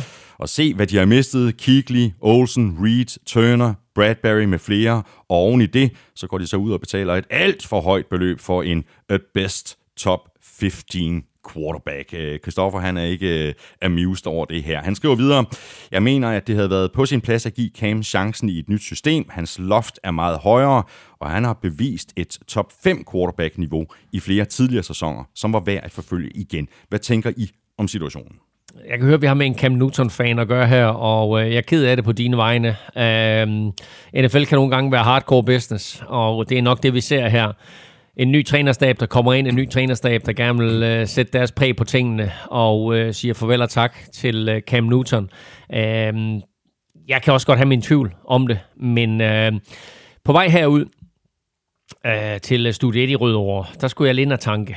Og øh, jeg kører ind til tankstationen, og jeg øh, sætter mit kreditkort i og taster koden ind, og så skriver maskinen, start tanking. Og det er fuldstændig det, der sker i øjeblikket i Carolina. Start tanking. Så de sender, øh, de sender alt, hvad de overhovedet har af værdi på porten, og øh, så er de i gang med at lave en... Øh, Fuldstændig genopbygning af det her mandskab her, hvor de også øh, lidt øh, er ligeglade med, hvor mange kampe de kommer til at vinde i 2020. Mm. Og så i stedet for at sige, fint nok, vi skal have nogle draft picks ind, og kan vi få et højt draft pick til næste år, så er det fint. Men øh, jeg tror ikke, at man skal forvente sig det helt store øh, af Carolina Panthers til næste år. Der sker så øh, til gengæld ikke noget nyt på øh, quarterback-positionen i New Orleans. Saints har forlænget den nu 41-årige Drew Brees med to år. Han har skrevet under på en kontrakt til omkring 50 millioner, og samtidig der bliver backup quarterback uh, Taysom Hill, som du også nævnte lige før. Han bliver også i klubben, og det gør han på en first round tender. Et, så har Drew Brees angiveligt i forbindelse med Pro Bowl sagt til rigtig mange mennesker, det er slut, jeg trækker mig tilbage, jeg har spillet min sidste kamp. Mm så får han lige lov til at, at trække vejret og hygge sig lidt med familien og så videre, og kede sig lidt derhjemme, og så tænkte jeg, ah, okay, det kan da godt være, at jeg lige skulle spille over eller to mere. Så øh, Saints er lykkelig. Øh, de har fået forlænget øh, Drew Brees, og han bliver altså nu i klubben, og de sender Teddy Bridgewater til Carolina, og så beholder de så den her Schweizer-kniv, øh, Taysom Hill, som, øh, som backup quarterback. Det interessante, det er jo, at jeg synes jo sidste år, i, de, i den fem kamp periode, hvor Teddy Bridgewater har var quarterback, der var Taysom Hill jo backup quarterback. Der så vi jo ikke så nær så meget til Taysom Hill, fordi man skulle beskytte ham, man skulle sørge for, at hvis nu Teddy Bridgewater han går ned, mm. jamen så er det Taysom Hill, vi skal hen. Det er lidt den samme situation, vi har nu her, at pludselig så er Taysom Hill backup quarterbacken, og det vil sige, at hvis Drew Brees han går ned, jamen, så er det Taysom Hill, der skal ind, og dermed så kommer de ikke til at benytte ham lige så meget på special teams eller trick plays og så videre. Og det synes jeg er lidt ærgerligt, at mm. vi måske misser den del. Så jeg kunne godt se, at Saints øh, henter en quarterback mere og gør ham nærmest til den deciderede backup til Breeze, sådan så de stadigvæk har mulighed for at bruge alle de her fantastiske kvaliteter, som Taysom Hill har. Mm. Så har vi Joe Flacco. Hans øh, fremtid i ligaen blaffer i vinden. Han er blevet øh, fritstillet af Broncos efter bare en, øh, en enkelt sæson. Øh, Broncos sparer lidt over 10 millioner på den manøvre. Øh, og de har jo også øh, deres quarterback for fremtiden på plads i Drew Lock, så det giver vel fuldstændig mening, og, og vel i virkeligheden også det, vi regnede med, ikke? Jo, jo, altså vi, jeg, jeg tror ikke, der er nogen af os, der havde forventet, at, øh, at Joe Flacco han blev i klubben. Øh, vi vidste godt, at med det spil, som Drew Locke han viste sidste år, at, øh, at han var den startende quarterback. Og jeg har lavet sådan en oversigt på Google Klud, der hedder quarterback-karusellen, eller quarterback-pustespillet. Og der har jeg ikke engang Flacco med. Øh, så øh, jeg tror, Flacco han er en færdig mand. Han kommer til at være backup et eller andet sted. Hvem ved? Måske for Saints. Mm, ja, interessant. Så har vi uh, kaptajn Kirk uh, Elming. Han havde stadig et år tilbage af sin oprindelige kontrakt med Vikings, uh, der så allerede nu har valgt at forlænge den kontrakt med to år. Ifølge Ian Rappaport, så står uh, de her to nye år til 66 millioner, så den samlede aftale, altså inklusive det år, der stadig var tilbage på den oprindelige kontrakt, så er den samlede aftale på 96 millioner, hvoraf de 61 millioner er garanteret. Er du, øh, er du tilfreds? Jamen egentlig er jeg, fordi jeg synes, at jeg synes faktisk, Kirk Cousins han har spillet virkelig fornuftigt i det her system, de har bygget op. Øh, altså efter at Gary Kubiak han ligesom har fået lov til at, at sætte sit præg på angrebet, så synes jeg, at, at Kirk Cousins også er blevet en, en langt, langt bedre spiller. Og øh, nu er Kevin Stefanski jo blevet head coach i, i, i Cleveland Browns. Det kommer vi tilbage til, tror jeg godt, vi kan love. Mm-hmm. Øhm, og dermed så er Gary Kubiak også blevet forfremmet til øh, offensive coordinator. Øh, og øh, det betyder, at den kontinuitet og det gode spil, som som Kubiak og Kurt Cousins har leveret sammen, at det får lov til at fortsætte nu. Øh, nu får de lov til at bygge videre på det. Øh, så kan man selvfølgelig sige, øh, ærgerligt, at, at, at Stefan Diggs selvfølgelig er væk. Han har været en stor, vigtig brik i hele øh, opbygningen af, af det system, men han kan godt erstattes. Øh, Kirk Cousins stod til at få øh, 28 millioner dollars øh, til næste år Øh, så egentlig så giver de ham 38 millioner dollars oveni garanteret mm. øh, for øh, de to næste sæsoner, plus hvad han så får oveni. Men altså, det er ikke, det er ikke en, en helt tosset kontrakt lige nu for Vikings. Mm.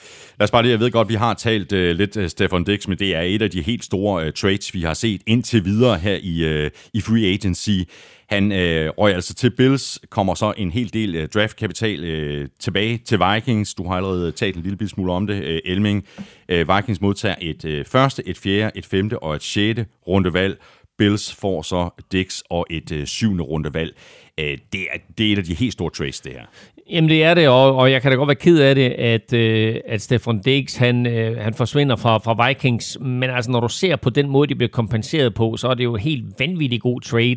Altså en 1, 4, 5 og 6 øh, er super betaling for Diggs. I draft, ja, sammenlignet med Hopkins. Ja, ja, fordi altså Hopkins blev draftet i første runde, og de får en to for ham. Ikke? Diggs han blev draftet i, var det fjerde eller femte runde, øh, og de får kassen for ham. Øh, plus at de slipper for alle hans tirader i, mm. i omklædningsrummet. Ikke? Altså, øh, han blev lidt en primadonna øh, efter The Minnesota Miracle. Øh, og øh, det, jeg tror, det var godt for, øh, for omklædningsrummet at, at slippe af med Stefan Dix, desværre. Men, øh, men, men prisen, som, som Bills har givet for ham, er høj, mm. og det er helt klart noget, som Vikings de kan, de kan bruge øh, konstruktivt. Nu har de to picks i første runde, pick 22 og 25, så vidt jeg husker. Mm. Må ikke, at det bliver den offensive linje, der bliver adresseret? Der? Altså, jeg vil sige det på en måde, der er sket mange ting øh, i Minnesota øh, nu her i offseason, og øh, der er mangler, øh, som vi snakker om mange gange på den offensive linje. Øh, de kunne også godt bruge en receiver, der er rigeligt af dem, øh, dygtige receiver i den her draft, og så er de i den grad blevet øh, ribbet på øh, defensive back. Ja, og nu nævnte du lige uh, Browns uh, head coach Kevin Stefanski. Det virker som om, han har været på strandhugst uh, øh, hos Vikings. Jamen, det er jo helt vanvittigt. Altså, han, har jo, han har jo dagligt til træning kunne se uh, Vikings defensive backs, når han uh, og hans angreb skulle forsøge at kaste.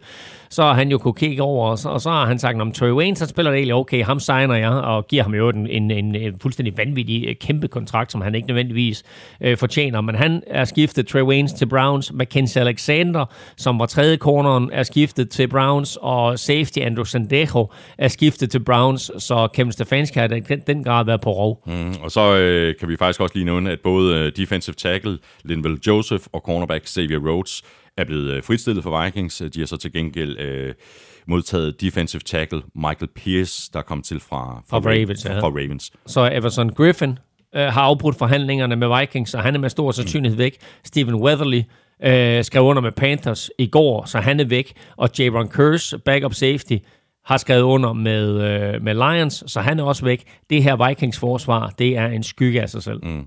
Det leder direkte videre til et spørgsmål fra Kasper Henriques. Øh, kan Vikings overhovedet kæmpe med om divisionstitlen med alle de spillere, som nu er væk? Nej, jeg får meget, meget svært ved at se, at Vikings de kan stille et mandskab på banen til næste år, som er lige så slagkraftigt som det, de havde i år. Altså forsvarsmæssigt, øh, som jo er Mike Simmers styrke, der er de simpelthen øh, talentmæssigt to-tre hakker under, hvad de var sidste år. Det er, øh, det er nogle virkelig, virkelig markante spillere, som siger farvel til klubben, og, og, og du kan ikke bare erstatte de her spillere øh, i draften. Øh, altså, du kan hive nogle spillere ind, og, og der er spillere, som, som er klar og har været klar i kulissen i et par år til at overtage, men du får ikke bare lige en spiller øh, til at gå ind og, og steppe ind for, altså når, når du fjerner dine tre startende cornerbacks, ikke? Altså, hvor, hvor, hvor vil du finde dem henne? Nej. Så øh, det her det bliver, det bliver svært for Vikings til næste år. Lad os lige kigge på den her handel med Bills briller. Andreas Svane skriver, hvorfor betale så meget for Dix, når wide receiver draften er så god?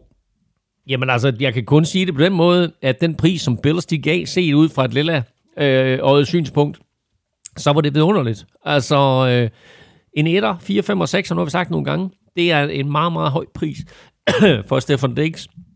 Øh, så øh, som Vikings-fan er jeg meget, meget glad for den trade. Josh Allen, quarterback i Buffalo Bills, kan, også godt, kan også godt være glad, fordi Præcis. han får altså et, et dybt våben nu, ikke? Altså, de har jo John Brown løbende rundt derude, men han har jo endnu ikke bevist, at han sådan rigtig har de der kvaliteter, øh, som, som man skal have i, i NFL. Øh, men, øh, øh, hvad hedder det? Øh, øh, Stefan Diggs har lavet masser af store plays, og jeg tror faktisk, at, at mange af de receiver, de har øh, i, i Bills, de vil komme til at nyde godt af at have at Diggs omkring sig, hvis han så øh, også kan holde sin kæft. Så er vi videre til et øh, andet kæmpe trade. Øh, defensive tackle DeForest Buckner, som de fleste regnede med øh, skulle forlænges af 49ers. Han blev i stedet for traded til Colts for pick nummer 13 i årets draft, og øh, jeg var umiddelbart øh, temmelig rystet over den her handel, men efter sådan at have sundet mig lidt over den, øh, så giver den faktisk mening. Jeg vil faktisk næsten sige, at det er en win-win-win handel. Altså, det er godt for 49ers med det her draft pick, øh, godt for Colts med en franchise tackle, og godt for Buckner som spiller, at han nu kommer op og bliver belønnet, og så får en, øh, en næsten Aaron Donald hyre med, med 21 millioner. Jamen altså en, en kæmpe trade jo. Tænk så, at øh, du har øh, udover øh, Wunderkind og Rookie of the Year, øh, Nick Bosa, så har du der Forrest Buckner på den linje her, som, som vel sagtens er den stærkeste af, af, de, af de fem op foran, som Fort Niners havde sidste år. Og øh, ham henter Coles ind og giver et første runde pick for ham, giver pick 13. Øh, der, hvor jeg synes, at, at Coles de måske betaler for meget, det er simpelthen lønnen til Bogner. Øh, men altså, fair nok, du har en af de bedste defensive tackles i ligaen. Øh, så øh, det her, det var en, en, en handel, som gav mening, som du siger, for alle parter. Coles, fordi de får en spiller ind, som kan være en stor forskel på den defensive linje. Øh, Bogner selvfølgelig, fordi han bliver en meget rig mand, og så øh, 49ers, fordi de slipper af med Bogners løn og får et draft pick ind. Mm. Og det er altså mange, mange millioner dollars i forskel øh, på at have en, en spiller af Bogners kvalitet, og så hive en spiller ind øh, i, i draften. Så må vi se, hvordan de forvalter det pick, fordi det er klart, at Bogner var et, et, en solid spiller for mm. dem, som de har fået god værdi af. Uh, tidligere første runde draft pick også jo det Forrest Buckner. Var valgt med øh, pick nummer 7, og nu får de altså pick nummer 13 tilbage. De har haft Buckner i, i fire sæsoner, ja. hvor han har spillet uh, fantastisk. Så umiddelbart, altså hvis de forvalter det her pick mm. ordentligt, mm. jamen så, uh, så giver det ud for sådan en forretningsmæssig uh, tankegang, så giver det jo, så giver det jo fuldstændig uh, mening. Og det gør jo så Men også... du skal, du skal ramme plet, og det er ja. det, der er hele misæren. Jamen det er det. Det, det er lidt det med, med, med Buckner, ikke? Her ved du, hvad du har. Du har en spiller, der har bevist, at han kan spille i NFL. Det er godt for Colts. 49ers ved ikke, Nej. at de rammer plet med den der pick 13. Det gør så, at uh, 49ers havde jo, ikke, havde jo ikke et valg, eller har ikke et valg i anden runde, i tredje runde og fjerde runde, og de havde altså pick nummer 31, og så først et, et, et, øh, et valg igen i femte runde. Nu ændrer uh, draften uh, fuldstændig karakter for 49ers med det her pick uh, nummer 13, og den her handel gjorde så samtidig, at de kunne uh, forlænge Eric Armstead uh, i stedet. Han er noget billigere end de her 21 millioner om året. Han har fået en femårig aftale til 85 millioner, eller det der svarer til en årsløn på 17 millioner. Mm. Og 17 millioner og 21 millioner, det er, altså en kæmpe, det er en kæmpe forskel. Selvfølgelig er det det, og øh, jeg, altså, jeg er bare overrasket over, at, at det var den vej, de valgte at gå, fordi altså, hvis, øh, hvis, øh, hvis man så på det inden, så regner man med, okay, Armstead er færdig i 49ers, mm, ja. Buckner bliver der. Præcis, og men, jeg troede, de ville tagge og trade Armstead. Men jeg, altså ja, for eksempel. Øh, men det, der skete nu, er jo selvfølgelig, at de har sagt, fint nok, vi får et første runde pick for, for Bogner, og vi slipper af med hans løn. Mm. Og Erik Armstead er sådan set en fin spiller. Øh, nu må vi se, om han kan tage det næste skridt op. Armstead spillede jo faktisk øh, en rigtig god sæson sidste år, men det gjorde han jo så også, fordi han havde tre eller fire andre spillere ved siden mm, af sig, mm. som gjorde ham bedre. Mm. Og det var lige præcis i et kontrakt over, at han spillede rigtig godt, og de gjorde safety Jimmy Ward også. Ham har 49ers så også kunne lave en øh, længere aftale med, netop fordi, at de ikke skulle bekymre sig om, øh, om Bogners øh, løn. Han har fået en øh, treårig aftale til omkring øh, 30 millioner. Og så, det er jo det der tre år for 30 millioner, det er noget, som har gået meget igen i den her offseason. Der er et hav af kontrakter, jeg ved ikke lige, hvorfor det er blevet sådan, men på en eller anden måde, så er det bare blevet sådan en standard i den her offseason. Tre år for 30 millioner dollars. Det er så nemt at dividere. Det er derfor. Ja, jeg har ikke helt styr det er i hvert fald over 8. men øh, det er, det, men der, der var rigtig mange kontrakter ja. i den her offseason, der hedder 30 år for, 3 år for 30 millioner dollars. Så springer vi til uh, LA, uh, hvor det oplagte spørgsmål er, om der er uh, et uh, magtskifte på vej mellem de uh, to uh, klubber. Chargers har været øh, temmelig aggressive øh, her i free agency, og Rams har i, øh, i den grad problemer med deres lønloft, og de har så også lidt problemer med deres nye logo. Eller hvad siger du til det? Ej, hvor er det grimt, det logo Det er godt nok skidt kørt. Plus, jeg, jeg tænkte, det er for sjovt det her. Jamen ja, altså det, det ligner jo sådan noget tegneserieværk. Øh, men det vilde det hele, det var, at jeg fandt ud af i går, at det er en fuldstændig kopi af et øh, sådan lidt obskurt college, som, øh, som kører fuldstændig samme logo. Altså, jeg ved ikke, øh, det, det må der på en eller anden måde komme sag ud af snart. Men øh, de offentliggjorde deres nye logo, logoer øh, i går, hedder det, Rams. Altså, øh, Selve den der øh, gedebuk, øh, den er faktisk ret fed. Den, den synes jeg er meget cool, men resten, det er da noget øh. Ja, det synes jeg godt nok godt. Der er sikkert et eller andet reklamebureau, der har fået boksen for at, at designe de Uden her... Tvivl. Og det værste hele, det er, at, at, det, at det ligner mere, at det, at det er Chargers. Ja, det gør det nemlig lige præcis. Så, nå, men øh, ja. hvad hedder det? Jeg vil sige det på den måde, at når du lytter til det her, så gå ind på Facebook på Google Klud, fordi der kører vi faktisk sådan en, vi lægger alle fire logoer op øh, her øh, tirsdag eftermiddag. Så der kan du gå ind og se alle fire logoer, og så kan du give dit besøg med, hvad du synes om dem. Mm. Så øh, før vi taler Chargers, så lad os lige øh, blive lidt ved øh, Rams. Todd Gurley, han er blevet fritstillet. Farvel og tak, ikke noget med et øh, trade eller noget som helst. Bare farvel, og det betyder så, at Rams sparer 10,5 millioner Øh, Gurleys kontrakt vil så stadig til imod lønloftet med omkring 20 millioner over de næste to år, og mm. Øh, Gurley var så heller ikke øh, arbejdsløs specielt længe. Øh, han blev signet af, af Falcons, der så til gengæld har sagt farvel til Devonta Freeman. Ja, altså, det, hvor, da, da, da Gurley, han skrev den der vanvidskontrakt for et par år siden, ikke? Altså, som gav ham 15 millioner dollars om året, der sad vi også bare og tænkte, hvad, hvad, altså, hvad, hvad, hvad, hvad sker der der? Ikke? Altså, kæmpe kontrakt, og, og den kontrakt var jo faktisk også med til, at andre running backs rundt omkring i ligaen ville have flere penge, Le'Veon Bill ville have flere penge, og det kostede ham jobbet i Steelers. Melvin Gordon ville have flere penge øh, i, i Chargers, det kostede ham nærmest en hel sæson sidste år, hvor han ikke fik løn, og nu har han så skiftet til, til, til Broncos. Øh, så den der kontrakt der øh, var, var helt horribel set ud fra Rams' synspunkt. og genial for, for Todd Gurley's synspunkt. Øh, men den var horribel ud fra Rams' synspunkt. Og for ligesom David skyld... Johnson og, og, og Cardinals. Den uh, David Johnson-kontrakt var også horribel. Så øh, vi, er vi er i en situation lige nu, hvor det er de færreste running backs, som, øh, som bliver betalt, og vi kommer ikke til at se en kontrakt forløbig øh, af de dimensioner, som, øh, som Todd Gurley han skrev her. Nej. Fordi et, så var det alt, alt for meget at betale for en running back, og to, så har den jo også sat Rams i nogle alvorlige øh, lønloftproblemer. Det er ikke den eneste kontrakt, de har haft. Altså, de har jo skrevet kæmpe kontrakt med Aaron Donald, og kæmpe kontrakt med, øh, med Jared Goff, og en kæmpe kontrakt med Todd Gurley. Og det er faktisk gået ud over deres evne til at forhandle med alle andre. Mm.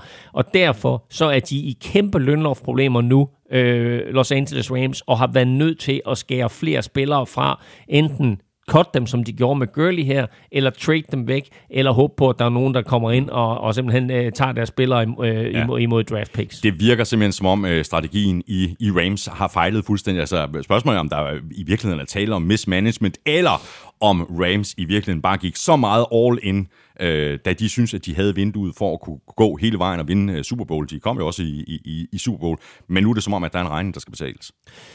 Rams var i Super Bowl 53 og øh, var, ja, de, de taber med 10 point, ikke? Er det 16-6, de taber, eller noget i den retning, ikke? Øhm, de spillede en rigtig, rigtig god sæson, og de var det bedste hold i NFC. Måske. Øh, der var jo helt den der sag der med, med New Orleans Saints, og skulle Saints have været i Super Bowl, eller hvad. Men sidste år gik det stille og roligt ned ad bakke for Rams. De kommer ikke i slutspillet. Nu her er de i gang med øh, at sende en masse spillere på porten, og kan godt gå i gang med en opbygning. Hvis jeg ser på NFC West til næste år, Fort Niners er gode, Seahawks er gode, Cardinals er på vej i den rigtige retning, mm. og kunne godt være bedre, end vi lige går og tror. Jeg kunne godt se Rams slutte sidst mm. i NFC West til næste ja, år. Sådan, sådan har jeg det også. Og jeg, jeg, altså, jeg er meget i tvivl om de tre andre hold, fordi uh, Cardinals, jeg tror, de... Uh, jeg havde det sådan, at ah, men de kommer om to år eller sådan noget. Jeg tror allerede, de kommer i år, og det er ikke kun på grund af, af, af det her Hopkins-trade. Øh, uh, jeg, jeg tror, der kommer til at, at, at ske rigtig gode ting for Cardinals. Og også fordi de er sluppet af med David Johnsons kontrakter, fordi uh, alle de ting, de kan gøre nu i draften og i øvrigt i free agency fortsat. Ingen tvivl om det. Cardinals er et meget, meget spændende mandskab. De øh, mangler, som vi talte om, berørt lige kort, noget på den offensive linje, og de mangler noget på den defensive linje. Øh, defensivt det hele taget kunne de godt klare nogle opgraderinger rundt omkring, øh, men et meget, meget spændende mandskab, og øh, det her Rams-mandskab er på vej i den helt anden retning af, end hvad Cardinals er. Jeg vil lige nævne et par spillere, øh, som øh, er forsvundet fra Rams. Det er Clay Matthews. Han havde et år tilbage af sin kontrakt. Han er altså også blevet fritstillet. Dermed sparer Rams øh, knap 4 millioner. Dante Fowler er heller ikke længere hos Rams. Han har skrevet under på en øh, treårig aftale til 48 millioner med Falcons. Vi i øvrigt bringer ham i top 15 af bedst øh, lønnede edge rusher. Og Fowler erstatter så Vic Beasley, som har skrevet under på en etårig aftale med Titans. Ja, og, og det, er, det er en vild dominoeffekt, det der, fordi øh, Dante Fowler og Clay Matthews ryger fra Rams. Rams hiver så Leonard Floyd ind fra Bears. Leonard Floyd er blevet i overskud, fordi Bears har hævet Robert Quinn ind mm. øh, fra, fra Cowboys, og som du siger, så er Vic Beasley så røget fra Falcons til Titans, og dermed så er der plads til, at, at Falcons kan hive Dante Fowler ind, så det hele det hænger ja. sammen i sådan et stort miskmask. Det gør det. I, I den grad endnu en gang kan vi øh, opfordre til at hoppe ind på gulslyd.dk og, og se det store overblik, fordi der står altså alle de her handler og trades, de står inden for hvert enkelt hold, så der er det til at sådan, måske at overskue øh, lidt bedre, selvom man selvfølgelig ikke kan se alle dominobrikkerne, hvordan de vælter både. Præcis, både det er kun på quarterback, vi har, vi har lavet ja, det. Ja. Uh, så et, det, der er den store oversigt for hold, og så har vi også en karakteroversigt med karakterer for alle de forskellige trades, og den er altså ret sjov også at kigge på.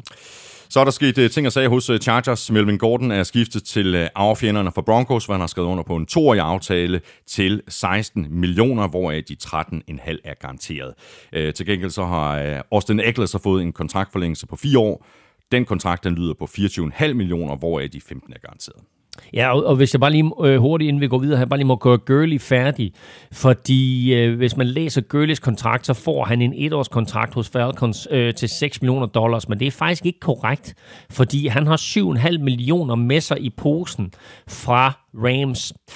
Hvis han så fik en ny kontrakt, så kan de så trække 2,5 millioner fra, så det vil sige, at han har 5 millioner med i posen. Det vil sige, at Gurley han får en etårskontrakt til 11 millioner dollars hos Falcons. Det gør ham faktisk stadigvæk til top 3 af bedst betalte running backs i NFL, så han tjener altså kassen igen til næste år, Gurley. Eckler hos Chargers bliver betalt. Han får en fireårig kontrakt øh, til 24 millioner dollars, ikke i nærheden af de andre, men her der har du en spiller, som endnu ikke har fået sin første store kontrakt, så for ham at få 24 millioner dollars, der kan jeg godt love dig for, der er han løbet hjem til, ko- til konen og har givet hende en kæmpe kram og sagt, honey, honey, we're rich. Melvin Gordon til Broncos. Øh, to år, 16 millioner dollars. God kontrakt for ham, men, skal man lige lægge mærke til, væsentligt mindre, end han blev tilbudt af San Diego Chargers. Uh. Han lavede den her holdout sidste år, hvor jeg faktisk mener, at de tilbød ham en langvarig kontrakt med en øh, års, øh, års, øh, hvad hedder det, års løn på 10 millioner Mm, dollars. mm. Den sagde han nej til. De er i gang med at, at, at, at lave sin holdout og så videre.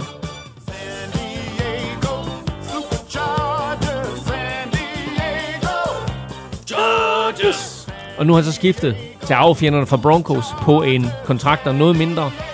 8 millioner dollars om året, altså minus 2 millioner dollars, og det er sådan en, en øh, 13 14 millioner dollars, det et sted der mellem 13,5 millioner dollars om året, han går glip af. Mm. Det er altså også en slags penge. Ja, sådan kan det gå, Ja. når man sætter alt på et bræt. Ikke? Så har Chargers jo et uh, franchise-tagget uh, tight end Hunter Henry. Det tag, det koster Chargers uh, lige i omegnen af 10,5 millioner uh, for det her uh, ene år.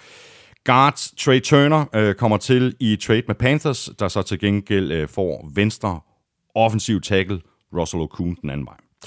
Og så er uh, højre offensiv tackle Brian Bulaga kommet til fra Packers. Stor, stor tilføjelse. Ja, man Rigtig stor sige. tilføjelse. Og han har fået en uh, treårig aftale til, bum, 30, 30 millioner. Bum, det er så nemt at det. Nu er spørgsmålet så, hvem den her nye øh, offensive linje skal beskytte på, på quarterback. Jamen, jeg vil lige øh, fortsætte, fordi øh, de har også hævet Linval Joseph ind fra Minnesota Vikings, mm. og så har de hentet Chris Harris ind fra Denver Broncos, cornerback, øh, så man kan sige, at Melvin Gordon ryger den ene vej, og Chris Harris ryger den anden vej, men øh, det er altså en vigtig tilføjelse. Hvis du kigger på de defensive backs, som øh, Chargers har, så er det altså den bedste quintet, du overhovedet finder øh, i NFL lige nu. Virkelig, virkelig solid på defensive back hele vejen rundt, og Chris. Harris-tilføjelsen er altså helt ekstrem. Øh, så gode tilføjelser på forsvaret, gode tilføjelser på Det ser angrebet. giftigt ud, ikke? Joey Bosa, Melvin Ingram, øh, Dervin James. Øh, hold da op et forsvar, hva'? Det er, det er rigtig mange gode forsvarsspillere, og nu er altså Chris Harris ind også. De er stadigvæk, som du lige bragte på banen, uforløst på quarterback. Det er Tyrod Taylor lige nu, der er deres quarterback. Og så er spørgsmålet, hvad de gør, når draften er kørt. Har de selv hævet en ung quarterback ind, eller går de ud, hiver de fat i Cam Newton, tager de fat i James Winston? Øh, Er, er det Andy Dalton på vej den vej? Er der andre, som, som kunne være interessante for dem? Jeg tror ikke, at, ja, man skal aldrig sige aldrig, men jeg, jeg er ikke sikker på i hvert fald, at de kommer til at starte 2020-sæsonen med Tyrod Taylor som quarterback. Det eneste, jeg vil sige, det er, at du startede med at stille spørgsmålet, er der et magtskifte på vej i Los Angeles? Og med den her offseason, der er Chargers lige nu et meget bedre hold, end Rams er.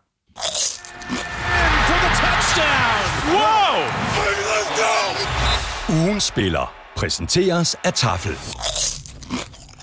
Så skal vi have fundet en øh, heldig vinder i ugens spillerkonkurrence, som vi satte i søen i øh, søndags. Vi spurgte, hvordan Brady kommer til at klare den hos øh, Buccaneers. Mulighederne var A.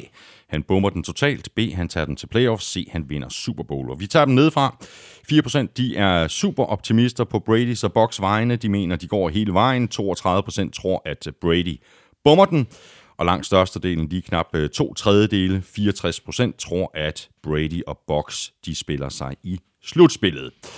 Hvad hælder du til? Jeg hælder faktisk også til, øh, at, at de spiller sig i slutspillet. Ja, jeg kan godt se dem komme i slutspillet, men det er jo ikke nogen nem division, de ligger i. Det er Nej, klart, det er det ikke. at som vi nævnte med, med, med Panthers, så virker de lidt som om, at de er i gang med en, en genopbygningsfase, et generationsskifte. Um, Saints må selvfølgelig være favoritter i divisionen, og jeg synes, den måde Falcons sluttede på sidste år, at kan de bygge videre på det, så er det altså også et uh, mandskab med masser af talent. Så det bliver ikke helt nemt for, for Buccaneers, men uh, det er da klart, at, at de håber på, at, at Brady han er manden, der kan tage dem det næste skridt. Claus, du er, ganske som du plejer at være, lykkens gudinde. Jamen, øh, jeg stikker øh, hånden ned i sækken.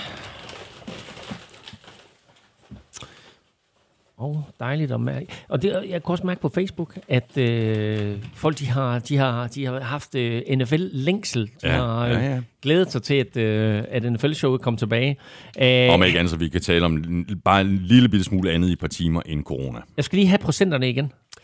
Det var øh, 4%, øh, der mener, at øh, Brady og Bucks øh, vinder Super Bowl. Øh, 32% øh, tror, at øh, Brady bommer den, og så var der de 64%, øh, Okay. procent, der tror, at de når i slutspillet. Åh, oh, fint nok. Ja. Jeg, jeg troede, det her det var en af de der 4 procent. Men han bommer den totalt, øh, skriver øh, Christoffer Larsen fra Kjellup.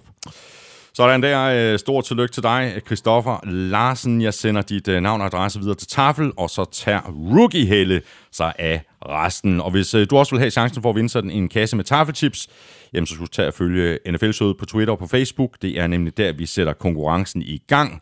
Og hvis du leger med, så er det super simpelt. Du stemmer på din favorit på mail og det gør du ved at skrive dit bud i emnelinjen, og i selve mailen, der skriver du dit navn og adresse. Nu hopper vi i øh, tight ends og wide receivers. Nu ændrer vi sådan lidt på, på vores øh, opbygning her, øh, Elming, og så ser vi, hvad der er sket i ligaen på lige præcis de to positioner. Tight ends først. Falcons har sagt farvel til Austin Hooper efter fire år i klubben. Han har signet med Browns, der har givet ham en øh, fireårig kontrakt på 44 millioner, og dermed er Hooper øh, nu den bedst betalte tight end i ligaen, og det er han så lige indtil, at øh, George Kittle får en ny kontrakt. Ja, nu må vi se, hvornår Kittles kontrakt øh, den kommer. Der var jo rygter frem om til Super Bowl, at den vil komme inden den øh, kommende sæson. Men øh, Austin Hooper øh, har haft et par rigtig gode sæsoner i Falcons, hvor han har øh, vist sin evne til at gribe bolden ned igennem midten af banen, og også til at øh, score øh, et hav af touchdowns. Hans evne til at blokere kan jeg godt være en lille bitte smule i tvivl om.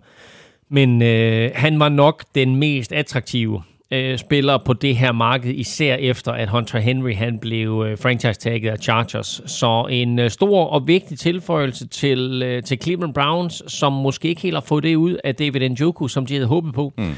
Og ganske, ganske interessant, at, øh, at Browns, synes jeg, har været meget aggressive, lavet nogle gode ting i, i den her offseason og, øh, og stadigvæk har masser af penge at gøre godt med øh, i lønloftet, på trods af, at de skriver sådan en stor kontrakt her med Austin Hooper. Glæder mig til at se ham sammen med Baker Mayfield. Ja. Falcons de har så fundet en øh, erstatning i Hayden Hurst, der er kommet til i trade med Ravens. Øh, Falcons får også Ravens fjerde rundevalg i årets draft. Til gengæld der får Ravens to draft picks. Den anden vej et andet rundevalg og et femte rundevalg. Ja, det interessante ved Hayden Hurst, det er jo, at øh, han i øh, Lamar Jackson-draften jo, øh, der havde Ravens to draft picks, og der draftede Ravens Hayden Hurst før de draftede Lamar Jackson. Men øh, nu er de altså skilt sig af med øh, Hayden Hurst, som øh, faktisk også er lidt ældre end øh, så mange andre spillere. Han var ret gammel, da han kom ind i NFL. Jeg mener, han var 24 eller 25, da han blev draftet. Mm. Øhm, jeg er overrasket over, at Ravens de gør det her, for jeg synes, en af de ting, som gjorde Ravens angreb øh, anderledes sidste år, det var deres brug af to og tre tight ends. Og det er klart, at, at Mark Andrews har gjort det rigtig godt, og selvfølgelig er deres første tight end, men jeg kunne godt lide kombinationen af Mark Andrews og Hayden Hurst på banen sammen. Øh, de har et par andre tight ends, øh, selvfølgelig også, men lige nøjagtigt den der duo der, synes jeg også, at vi talte lidt om sidste år. Så jeg er lidt overrasket over, at de gør det, men det er klart, at de får noget draftkapital for ham. Mm. En to og en femmer er selvfølgelig øh, værd at tage med. Øhm, og øh, Falcons får en spiller ind i Hayden Hurst, som jeg synes ikke er lige så god som, øh, som Austin Hooper. Men, øh, men de får trods alt dækket øh, Titan-positionen. Jimmy Graham han er øh, fortid i Packers efter to sæsoner. Han har skrevet under på en øh, toårig aftale til 16 millioner med Bears. Nikolaj Vangsgaard skriver til os, hvad Søren laver Bears med Jimmy Graham. Var han den eneste i free agency, der var stor og fysisk nok til, at Trubisky ville kunne ramme ham? Sindssyg kontrakt for en tight end, som ikke har vist noget siden, siden sin dage i Saints. Og jeg synes faktisk, det er lidt et generelt billede af det, som, øh, som vi har set fra, øh, fra Bears i år. Øh, jeg synes ikke, at der er ret meget af det, de har gjort her i offseason, der har været klogt. Jeg vil sige, de har hævet Robert Quinn ind, og Robert Quinn er en god tilføjelse. Ham på den ene side, og Khalil Mack på den anden side, er rigtig, rigtig fornuftigt. Men ellers så er der ikke ret meget af det, Bears har foretaget sig, som jeg sådan tænker, wow, det var virkelig, virkelig et godt move. Og det her er heller ikke et godt move, at de signer Jimmy Graham til en toårs kontrakt til 16 millioner dollars, vel at mærke, uden at øh, de kan trade ham. Han har en no-trade clause mm. i den kontrakt, øh, og det vil sige, at det, det er sådan, at de, de kan ikke bare smide ham på porten. Øh, så det her, det er øh, et spørgsmål om, at man har kigget på en spiller, som var dygtig for fem år siden, og sagt, wow, Jimmy Graham, han kan jo alle sammen huske, og spiller man fantasy, så kan man også huske Jimmy Graham, for han var et monster, men øh, han har ikke været et monster, siden han skiftede fra Drew Brees, til, øh, til han kom først til, til Seattle, og så var han et andet sted, inden han kom i Packers, eller fra Seattle til Packers, og så fra Packers til, til, øh, til, til Bears nu. Mm. Øh, det her det er en, en, en, en handel og en kontrakt med en værdi ud fra gamle meritter, ikke fra nuværende Nej. niveau. Så har vi Greg Olsen. Han er færdig hos Panthers efter ni år i klubben. Han har skrevet under på en etårig aftale med Seahawks, øh, og dermed er det altså Russell Wilson, der skal kaste bolde til, øh, til Greg Olsen.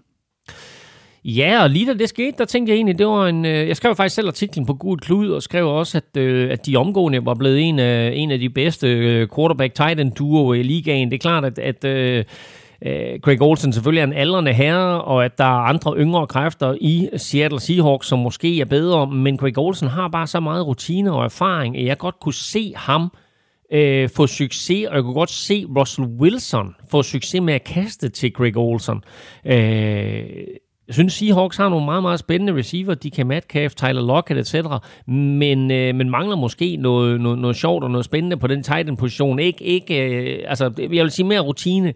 En, en mand, der, der ved, hvordan han løber så fri. En mand, der ved, hvordan han finder hullerne i zoneforsvar, og, og lige nøjagtigt ved, hvor første dagmarkeringen er. Præcis, og det er måske lige præcis øh, det, som Greg Olsen han er aller, aller bedst præcis. til, netop at få de her første downs. Præcis. For eksempel på tredje down. Ikke? Lige nøjagtigt. Og, og, og det er der, hvor jeg godt kan se, at, at ham og Russell Wilson øh, bliver en god duo. Så har vi øh, endnu en aldrende herre. Det er 37-årig Jason Witten. Han fortsætter karrieren i Las Vegas. Han har skrevet under på en etårig kontrakt, øh, som med diverse bonusordninger kan give ham lige knap øh, 5 millioner dollars. Øh, og det, det er jo ikke meget for en spiller, der også, formoder vi, stadigvæk kan finde ud af at flytte kæderne. Øh, var, det Eric Ebron? Eller hvad, hvad sagde du? Jason Witten. Oh, undskyld, ja. Øh, jeg var lige et andet sted. Øh, Ja, vi, vi kommer til Ebron lige om lidt. Ja, øh, øh, ja, Jason Witten. Jeg, ved- jeg ved det ikke. Altså, han har, han har jo været på pension en gang jo. Mm. Og nu er han så tilbage, og øh, han er også en af dem her, som... Altså, han, han tog lidt over i kommentatorboksen, og det var han, det, det, det tror jeg ikke var lige så sjovt for ham, som det er at spille fodbold, og det var heller ikke lige så sjovt for os andre at høre på ham, som det er at se på ham spille. Men øh, det overrasker mig, at han i så sen alder, efter han har trukket sig tilbage en gang, pludselig skifter væk fra Cowboys, og så skifter til en anden klub. Men øh, nu får han jo altså så mulighed for at, at, at spille sig ind på det her hold her i Las Vegas. Men altså, Raiders har Darren Waller, og Darren Waller fik sit store gennembrud sidste år, så jeg kan ikke se, at Jason Witten han bliver den store faktor for det hold her. Men altså igen, man skal aldrig sige aldrig. Nej. Og så øh, videre til Eric Ebron, øh, fordi han er ikke længere hos Colts. Han har skrevet under på en toårig aftale med øh, Steelers til en værdi af op imod 12 millioner. Ja, altså, øh, han har haft et par gode år i Colts, kom jo oprindeligt fra Detroit Lions, var et første runde draft pick for Lions, og fik aldrig rigtig det ud af det, som, øh, som hans talent øh, berettigede ham til. Kommer til Colts og bliver faktisk en, øh, i hvert fald da hun var sammen med Andrew lidt en touchdown-maskine, havde det lidt svært sidste år, øh, men, øh, men, men greb dog sine bolde og greb sine touchdowns. Nu kommer han til Pittsburgh, og hvis Ben Roethlisberger han er tilbage i topform, så har han jo før bevist, at han godt kan gøre tight ends til øh, effektive øh, pass catchers og effektive våben ned ad banen. Og de har ikke rigtig haft en tight end. De har haft et par stykker i, i Steelers, som jeg synes øh, har haft noget, noget talent og noget potentiale, som aldrig rigtig er blevet forløst. Nu tror jeg faktisk, at Eric Ebron sammen med Ben Roethlisberger, hvis de begge to er raske, mm. godt kan blive rigtig interessant. Mm. Det bliver rigtig spændende at se, hvordan øh, Big Ben han kommer til at, at tage sig ud efter at have siddet ude hele 2019-sæsonen. Bestemt da. Så har vi et øh, par wide receivers, som vi kan lukke den her del med. Øh, Nelson Aguilar har sagt farvel til Eagles efter fem sæsoner. Han har skrevet under på en etårig aftale med Raiders. Øh, Det er også en, en, en kontrakt, som jeg ikke har kunne finde øh, detaljer på. Jeg ved ikke, om Nej, det, jeg det ikke, dig. nej, jeg har heller ingen detaljer på den. Jeg kender ikke beløbet på den, men uh, Aguilar, som uh, også er et første runde draft pick tidligere for uh, Philadelphia Eagles, og heller ikke rigtig har levet op til det, har haft sine momenter hister her, var god i Super Bowl for Eagles det år, de vandt, altså hvor Nick Foles han blev MVP. Uh, men ellers så uh, har der været lidt langt mellem snapsene for ham, men helt tydeligt, at, at uh, Raiders jo mangler hjælp på receiverpositionen, så der kommer han ind og, og giver dem en, en dyb trussel. Uh, så må vi se, hvordan det går, når Mariota han kaster bolde til ham. Og så blev det altså kun til en øh, halv sæson for øh, Emmanuel Sanders hos 49ers. Øh, Sanders har skrevet under på en toårig aftale med Saints til en værdi af 19 millioner, hvoraf de 16 millioner, de er, de er garanteret. Øh, det overrasker mig lidt, øh, at øh, 49ers, øh, de var ikke, øh, at de ikke var mere aggressive i forhold til at, at, at beholde Emmanuel Sanders, som de jo gav et andet rundevalg Mhm. øh, sidste år for ham. Øh, man kan sige, jamen altså, de kom i Super Bowl, så måske var det investeringen værd, men det overrasker mig alligevel lidt. Men det, men det lugter lidt af måske, at de har tænkt sig at gå wide receiver i, øh, i første runde for den Niners i år. Det kunne det sagtens være. Øhm, du siger, de gav et andet runde pick, og det gjorde de jo midt i sæsonen sidste år. Emmanuel Sanders var jo, øh, er, er jo han, han er jo faktisk øh, det trivia question waiting to happen, fordi øh, så et, så spillede han 17 kampe sidste år. Øh, han spillede, som jeg husker det, var det øh, 7 for Broncos og 10 for, øh, 10 for 49ers. Øh, det vil sige, at han havde ikke nogen fri uge sidste år, fordi han blev traded øh, inden øh, Broncos har haft deres fri uge, og efter at 49ers har haft deres fri uge, så han spillede 17 kampe sidste år.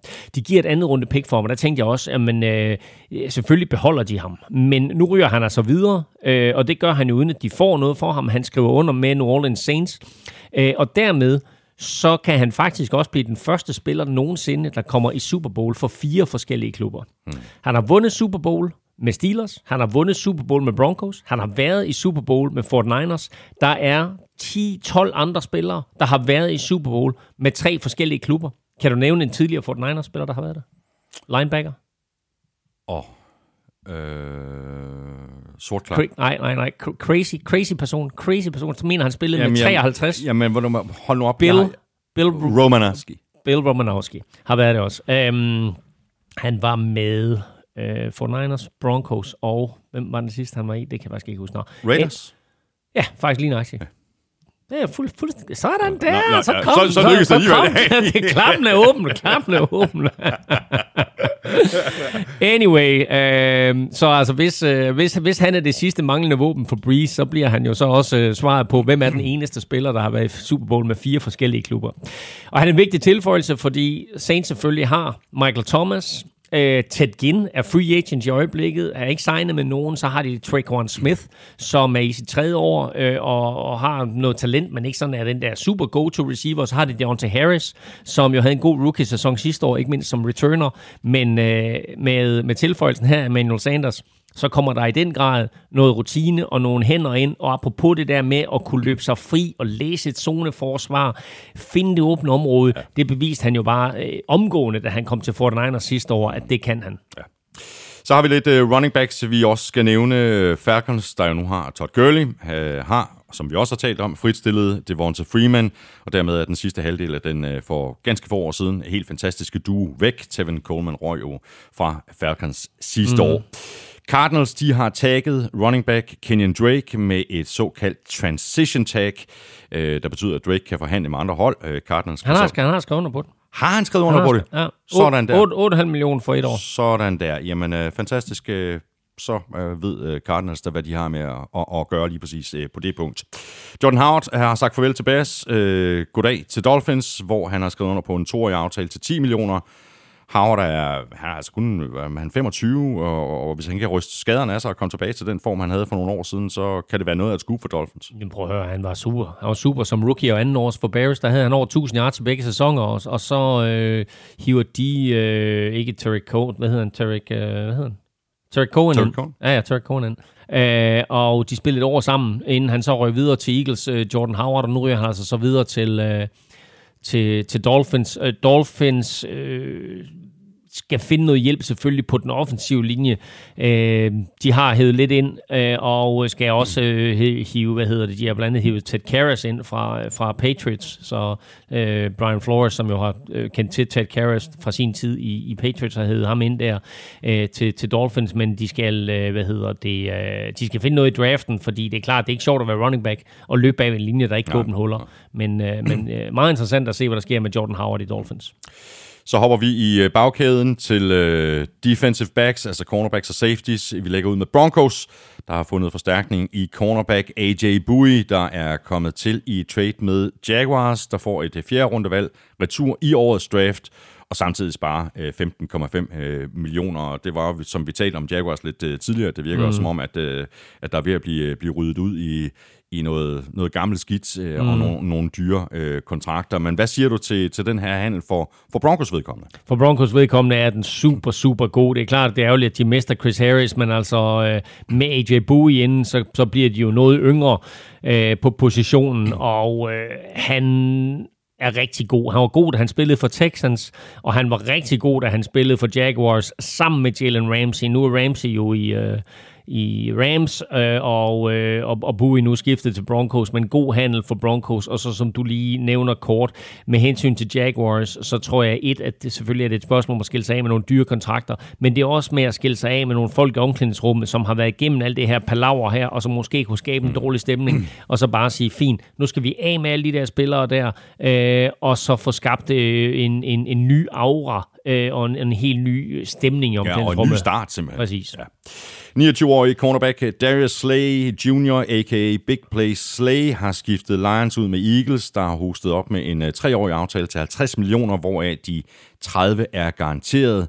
Eagles har sendt to draft picks i årets draft tilbage til Lions, der nu har lidt øh, ekstra leje med i øh, både 3. og, 4, Øh, nej, 3. og 5. runde.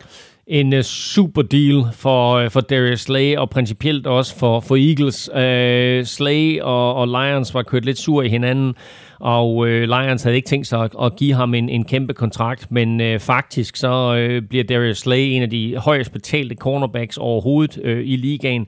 Der er nogen, der siger, at han er den højeste med, med de her tre år for, for 50 millioner, øh, fordi det er omkring 16,7 millioner dollars per år, men han har et år tilbage på sin nuværende kontrakt, og lægger du den oveni, så er det faktisk en fireårskontrakt til omkring 15 millioner dollars om året, og dermed så er han faktisk ikke helt op på det niveau, som, som Byron Jones øh, fik ham, vender vi tilbage til lige, øh, lige her om lidt, Byron Jones, der over til Dolphins.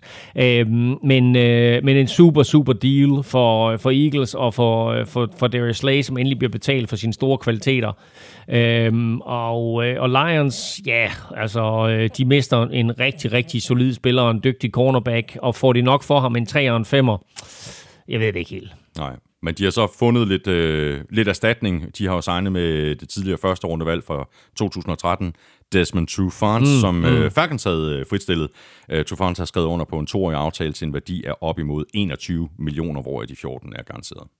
Ja, og, og, og han er også stadigvæk en god spiller. Der var mange Falcons-fans, som rynkede lidt på næsen, da, da de fritstillede ham. Øh, og helt præcis hvorfor, øh, har jeg også min tvivl om. Men øh, det kan også være noget kontraktmæssigt, mm. at de tænkte, at han var for gammel i forhold til, øh, til hvad han skulle have af penge. Men han er altså skiftet øh, til Lions, så en, en, en god spiller, de hiver ind der. Mm.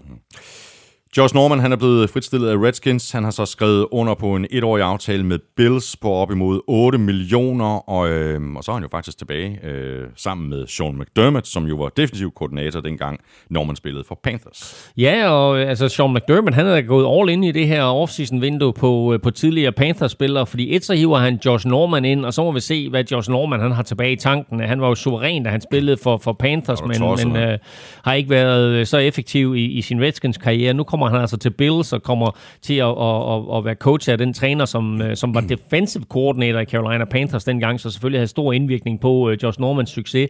Udover ham, så har Sean McDermott i, det her, i den her free agency hævet øh, Mario Addison ind, defensive end, linebacker AJ Klein og defensive end, øh, skråstrej defensive lineman øh, Vernon Butler. Øh, alle tre, som øh, McDermott kender fra sin tid i Panthers, dem har han nede ind til Bills, så han øh, hiver altså nogle af de der gamle kendinge ind, ja. og så har han så til gengæld gengæld øh, ladet Shaq Lawson gå tidligere første runde draft pick, som er råd til Dolphins. Og så valgte Eagles at lade safety Malcolm Jenkins blive øh, free agent efter seks sæsoner i Philadelphia. Nu er Jenkins tilbage i Saints, hvor det hele jo begyndte tilbage i 2009. Jenkins har skrevet under på en fireårig aftale til 32 millioner, hvoraf de 16,5 er fuldt garanteret. Ja, der må vi sige, det er, det er en god deal for ham, altså en, en safety også. Der, hvad er han, en, et par 30 eller sådan noget, ikke? Altså han er sgu mm. ikke en, en vorhar længere, men øh, han blev fritstillet og øh, kom tilbage til Saints og var, var øh, glad for at, at komme tilbage til der, hvor det hele startede. Øh, og giver det omgående noget rutine i, i de bagerste glæder hos, hos Saints. Øh, Saints har, synes jeg, øh, mange dygtige forsvarsspillere. Øh, og de har også en god leder i Cam Jordan, men de har måske lige behov for en leder øh, i de bagerste geleder, og der kommer Malcolm Jenkins ind, altså med rutine og et par Super Bowl-ringe, og, øh, eller i hvert fald en enkelt, og, øh, og, og kan hjælpe de unge drenge på vej. Mm. Og fra uh, defensive backs, der går vi nu videre til uh, Jeg har faktisk lige... Havde du en til? Jeg, jeg, jeg har faktisk flere her. Uh, jeg vil lige sige, jeg nævnte lige kort. Byron Jones til Dolphins mm. bliver ligaens højst betalte cornerback. 16,5 millioner dollars årligt. 5 år, 82,5 millioner dollars med 57 garanteret. Så skifter altså fra Cowboys. Han blev sorte per i hele spillet om, hvem Cowboys havde råd til at betale. Så Cowboys valgte altså at beholde Dak Prescott og Amara Cooper, men måtte sende Byron Jones videre. James Bradbury er endnu en af de her spillere, der øh, forlader Panthers. Øh, suveræn corner, måske den næstbedste corner overhovedet på, øh, på markedet her i år, kommer til Giants. Så øh, Giants har gjort rigtig mange gode ting for deres forsvar. Han får øh, tre år til 45 millioner dollars. Øh, og Adrian Phillips, synes jeg er virkelig værd at nævne. Adrian Phillips, som blev lidt i overskud i, øh, i nu har vi spillet San Diego sangen en gang, men så lad os kalde Los Angeles Chargers. Men øh, en safety, som kan rigtig meget. God til at dække op. Hård banan, hård imod løbet. Ekstra linebacker. Han kommer til Patriots. Og det er sådan en af de der handler der, som man bare skal holde lidt øje med, fordi det er, når Bill Belichick, han håndplukker folk, mm, så ved man godt, ham der, han kan noget. Mm. Uh, Rodney Harrison er en anden spiller, der kom fra Chargers. Han kom faktisk fra San Diego Chargers til, uh, til New England Patriots. Uh, Og øh, det her det er lidt det samme. Så Adrian Phillips, en, et navn, der i hvert fald er værd at holde øje med. Og så nævnte du lige George Norman, som forlader Redskins i nat øh, dansk tid. Der sendte Redskins Quentin Dunbar, som var deres ubetinget bedste cornerback sidste år. Der sendte de Quentin Dunbar til Seattle Seahawks. Okay, den har jeg ikke engang set, Nej, her. men det er også helt sprit ny. De sendte ham til Seattle Seahawks for et femte runde draft pick, hvilket er Wow. peanuts. Men han var åbenbart også lidt en ballade med i omklædningsrummet, så ham vil de af med. Det betyder, at med Josh Norman og Quentin Dunbar væk, der har Redskins sagt farvel til seks defensive backs i den her offseason. Så fuldstændig øh, ny strategi og, øh, og, og, og nyt omklædningsrum, især på den defensive side. Det er vildt. Det er vildt. Så springer vi videre til linebackers og defensive uh, linemen. Uh, vi begynder med uh, linebacker Corey Littleton, der har skiftet Rams ud med Raiders, som har givet ham en uh, treårig aftale til, ikke til 30 millioner, men til 36 millioner. Hvad sker der? Ja, hvad sker- hvad er det for noget Øh, det, det, det er slet ikke til at holde styr på. De, jeg synes, jeg synes uh, Las Vegas Raiders har gjort nogle, nogle rigtig gode ting, ikke mindst på forsvaret, og de hiver altså to gode linebackers ind. Corey Littleton, som du nævner her, og så Nick Kwiatkowski, som kommer til fra Bears. Jeg synes jo egentlig, Kwiatkowski havde en super god sæson sidste år for Chicago Bears. Så uh, Corey Littleton, i, øh, i min optik den mest eftertragtede linebacker overhovedet i den her free agency-periode øh, til, til Vegas, og, øh, og så Kwiatkowski, så en om, omgående opgradering på linebacker for dem. Og så har Giants fået øh, tiltrængt hjælp lige præcis på linebacker. De har nemlig givet den tidligere Packers tackle machine Blake Martinez en treårig kontrakt på 30 millioner dollars. 30 millioner dollars. Øh, jamen, de hiver to linebackers ind fra, øh, fra Packers. De hiver Blake Martinez ind, og så Kyler Fackrell. Øh, og så som nævnt, altså cornerback øh, James Brad- Bradbury fra, fra Panthers. Så øh, også en omgående opgradering af, af Giants forsvar, og noget, de i den grad havde behov for. er du tosset, mand? Fordi hvis vi husker tilbage på 2019-sæsonen, og så så på det Giants forsvar, de var ikke, altså, det var ikke så godt, vel? Det- var ikke så godt. Det, det, var, det var Blake Martinez og Kyler Fackrell, så heller ikke i NFC Championship-kampen imod 49ers. True, men det, men det, det snakker vi ikke højt om. En anden uh, tackle-maskine er den nu uh, tidligere Browns linebacker Joe Schobert. Han har skrevet under på en uh, femårig aftale med Jaguars til en værdi på 53,75 øh, millioner, eller knap 11 millioner om året.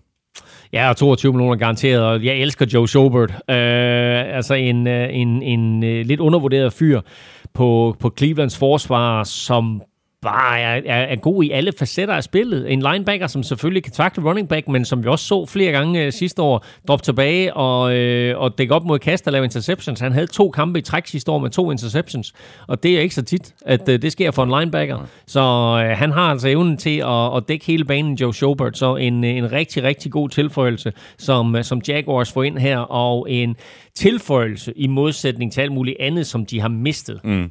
Ja, fordi til gengæld, der har Jaguars så sendt uh, Calais Campbell til Ravens. Jeg kan ikke huske, om vi har nævnt uh, ham lidt tidligere i udsendelsen. Vi ikke. Nej, øh, der så har sendt et femte rundevalg i draften retur, og det var så det draftvalg, der kom fra Hayden Hurst, traded til Falcons. Nå, okay, ja, ja, men øh, sådan hænger det jo også sammen, men, men prøv at høre, hvor er det billigt, ikke? Altså, Calais Campbell, det kan godt være, at han er oppe i årene, han er også de der 32-33 år, øhm, men han spiller stadigvæk på et meget, meget højt niveau, og så er han en god mand øh, i omklædningsrummet og uden for omklædningsrummet, øh, udover at han selvfølgelig er en suveræn spiller på banen.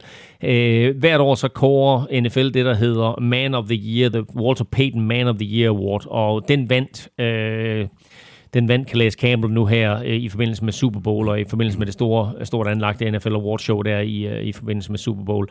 Så han er altså øh, i går så en regerende Walter Payton Man of the Year og en kapacitet på alle ja, måder, Calais ja. Campbell. Så super, super billigt, at Ravens får ham ind for et femte runde pick.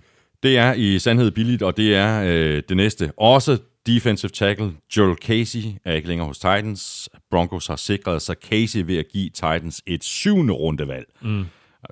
Teori ved højlysdag, eller hvad? Det er teori ved højlysdag, men her har du faktisk lige nøjagtigt en situation, at øh, Titans ikke havde råd til at beholde Casey. De skulle give ham 11 millioner dollars til næste år, og øh, jeg tror, de vurderede, at det var for meget. Så jeg, jeg elsker Casey. Jeg synes, at han er en af de mest undervurderede spillere overhovedet i NFL suveræn defensive lineman, som i mange år har været øh, anonym, fordi han har spillet for et anonymt og dårligt Titans-mandskab. Men sidste år, da vi så Titans virkelig folde sig ud, der så vi også, hvor vigtig Joel Casey han var. Øhm, men øh, de følte altså ikke, at de havde råd til at beholde ham, og øh, så sendte de ham øh, til, til, øh, til, til, til øh, Broncos, er det ja, til mm, Broncos mm. for et syvende runde pick. Uh, og det er, det er ligesom bare at sige, her gider jeg ikke at tage ham her. Ja. Altså, ja. altså det, det, det, det, ja, det, er lidt ærgerligt, men kæmpe tilføjelse for Broncos. Ja, du altså, står også, som så, i, ja, ja. I, i det hele taget har haft Præcis. gang i en ret spændende free agency. Bestemt, bestemt. Ja. De har mistet Chris Harris, og udover det, så synes jeg faktisk, de har hævet ja. rigtig, rigtig mange gode spillere ind. Så kan vi lige runde af med en omgang franchise tags. Bengals har tagget AJ Green, efter at han var skadet hele 2019-sæsonen. Han har får så et enkelt år med en garanteret løn på 17,8 millioner. Må ikke Joe Burrow, han, han, glæder sig. han synes, at det er alle pengene værd. Ingen tvivl om, at, at for en ung quarterback som Joe Burrow, som Bengals med stor sandsynlighed drafter her i, som nummer et overall, der er, der er det vigtigt, at du har en go-to-guy mm. som, uh, som AJ Green. Uh, og håber vi bare, at han kommer tilbage på det niveau, som vi, vi, vi husker ham for. Ikke? Jamen altså, prøv at høre, vi har jo glemt AJ Green lidt, uh, fordi han ikke har spillet hele fantastisk. sidste år. Han er fantastisk, og han er stadigvæk ikke ret gammel. Altså, så uh, han, uh, han, han bliver godt våben for, for Joe Burrow. Og så øh, har vi en af de helt store helte fra Super Bowl, defensive tackle Chris Jones. Han er blevet tagget af Chiefs, og det kommer ikke som den helt store overraskelse, at han er blevet tagget. Overhovedet ikke. Altså, han, han er en vigtig brik på det der Chiefs-mandskab, og øh, som jeg skrev øh, et sted på Google Clues, så var han forskellen på et godt forsvar og et Super Bowl-forsvar. Ja, ja. Edge rusher Shaquille Barrett øh, havde øh, også en fantastisk 2019-sæson, der havde han for Buccaneers med 19,5 sacks. Nu er han så blevet tagget, og det kommer til at koste Box knap 16 millioner, hvis altså de får lavet en længere aftale. Ja, altså en, en, et, et, et godt tag for dem også, fordi øh, altså, han, han kom til øh, fra Broncos på en etårskontrakt, og så skal jeg da ellers love for, at han øh, satte øh, NFL i brand. Øh, var jo på vej en overgang til at slå sackrekorden, og ender faktisk ikke med at være ret langt fra den. Altså øh, bliver den, øh, den mest sackende spiller sidste år med sin 19,5 sack, og øh, havde succes øh, i det der øh, Buccaneers forsvar. Så han passer ind der, og Buccaneers er glade for ham, så det var helt naturligt, de taggede ham. Og så har Broncos øh, franchise tagget safety Justin Simmons, øh, der står til at tjene knap 13 millioner til til næste år. Ja, og det er også et godt tag, fordi han er en ung, skarp safety, som er her der alle vejene, og bare altid er nærheden af bolden. Øh, undervurderet i visse øh, kredse, også forholdsvis ukendt, men har man set ham spille, øh, så ved man, hvad han kan, og Broncos har været meget, meget glade for ham. Mm. Og så er der umiddelbart noget, der kunne øh, ligne lidt dårligt nyt for øh, Hjalte Froholt i Patriots. Øh, Patriots har nemlig tagget guard Joe Tooney. Han har skrevet under, og dermed kan han se frem til at indkassere lige knap øh, 15 millioner. Ja, det er også en, en uh, vild kontrakt, øh, men altså en stor kontrakt for, for, for Joe Tooney, og selvfølgelig lidt ærgerligt for, øh, for Hjalte Froholt, fordi øh, han havde regnet med, at han skulle overtage, eller vi havde regnet med, at han skulle overtage den plads der for øh, Joe Tooney. Til gengæld så er Ted Karras altså så røget til Dolphins, og det hjælper lidt på sagerne, så der er altså i hvert fald et hul på den offensive linje øh, for Hjalte Froholt. Nu må vi så se. Øh, ideen med Hjalte var jo for Patriots vedkommende, at han skulle starte på guard, og så, øh, i hvert fald som vi hørte, og så rykkes ind på center. Øh, Øh, og nu må vi se, øh, hvad der sker i den retning, om han ender med at, at, at bare blive backup på de tre næste positioner i år, eller han rent faktisk får noget spilletid som starter. Det bliver spændende at, øh, at følge. Sidste tag, øh, vi skal nævne, det er running back Derrick Henry, der er blevet tagget af Titans, så hvis øh, Henry og Titans ikke bliver enige om en længere aftale, så står øh, Henry til at få lidt over 12 millioner i 2020. Ja, er også en god kontrakt for, for Derrick Henry, og, og det er vigtigt for, for, for Titans selvfølgelig. Nu fortalte vi det her med, at de har signet øh, quarterback Ryan Tannehill til en lang kontrakt, og dermed så var det så mulighed for dem at, for at tagge Derrick Henry, og i og med, at de har gjort det, så beholder de den her duo øh, og hele omdrejningspunktet for angrebet. Men de har mistet øh, right tackle Jack Conklin. Jack Conklin er røget til Cleveland Browns, så endnu en virkelig god signing af Cleveland der. Hiver en stor, stabil, stærk, ung øh, tackle ind til at hjælpe dem. Titans mister ham, og det er klart, at der i den her kommende draft er et hav af dygtige offensive linemen, offensive tackles, så jeg kunne godt se Titans gå den vej og tage en, øh, en tackle. I hvert fald vigtigt, at de får noget stabilitet ind på, på den offensive linje, og at det hul, som Jack Conklin efterlader, at de, de får fyldt det. Jeg har lige en sidste øh, tag, som vi ikke har nævnt, og det er Matt Judon, som er blevet tagget i, øh, i Ravens, og det kan godt skabe lidt en konflikt, så det synes jeg, det er noget, man skal prøve at holde øje med.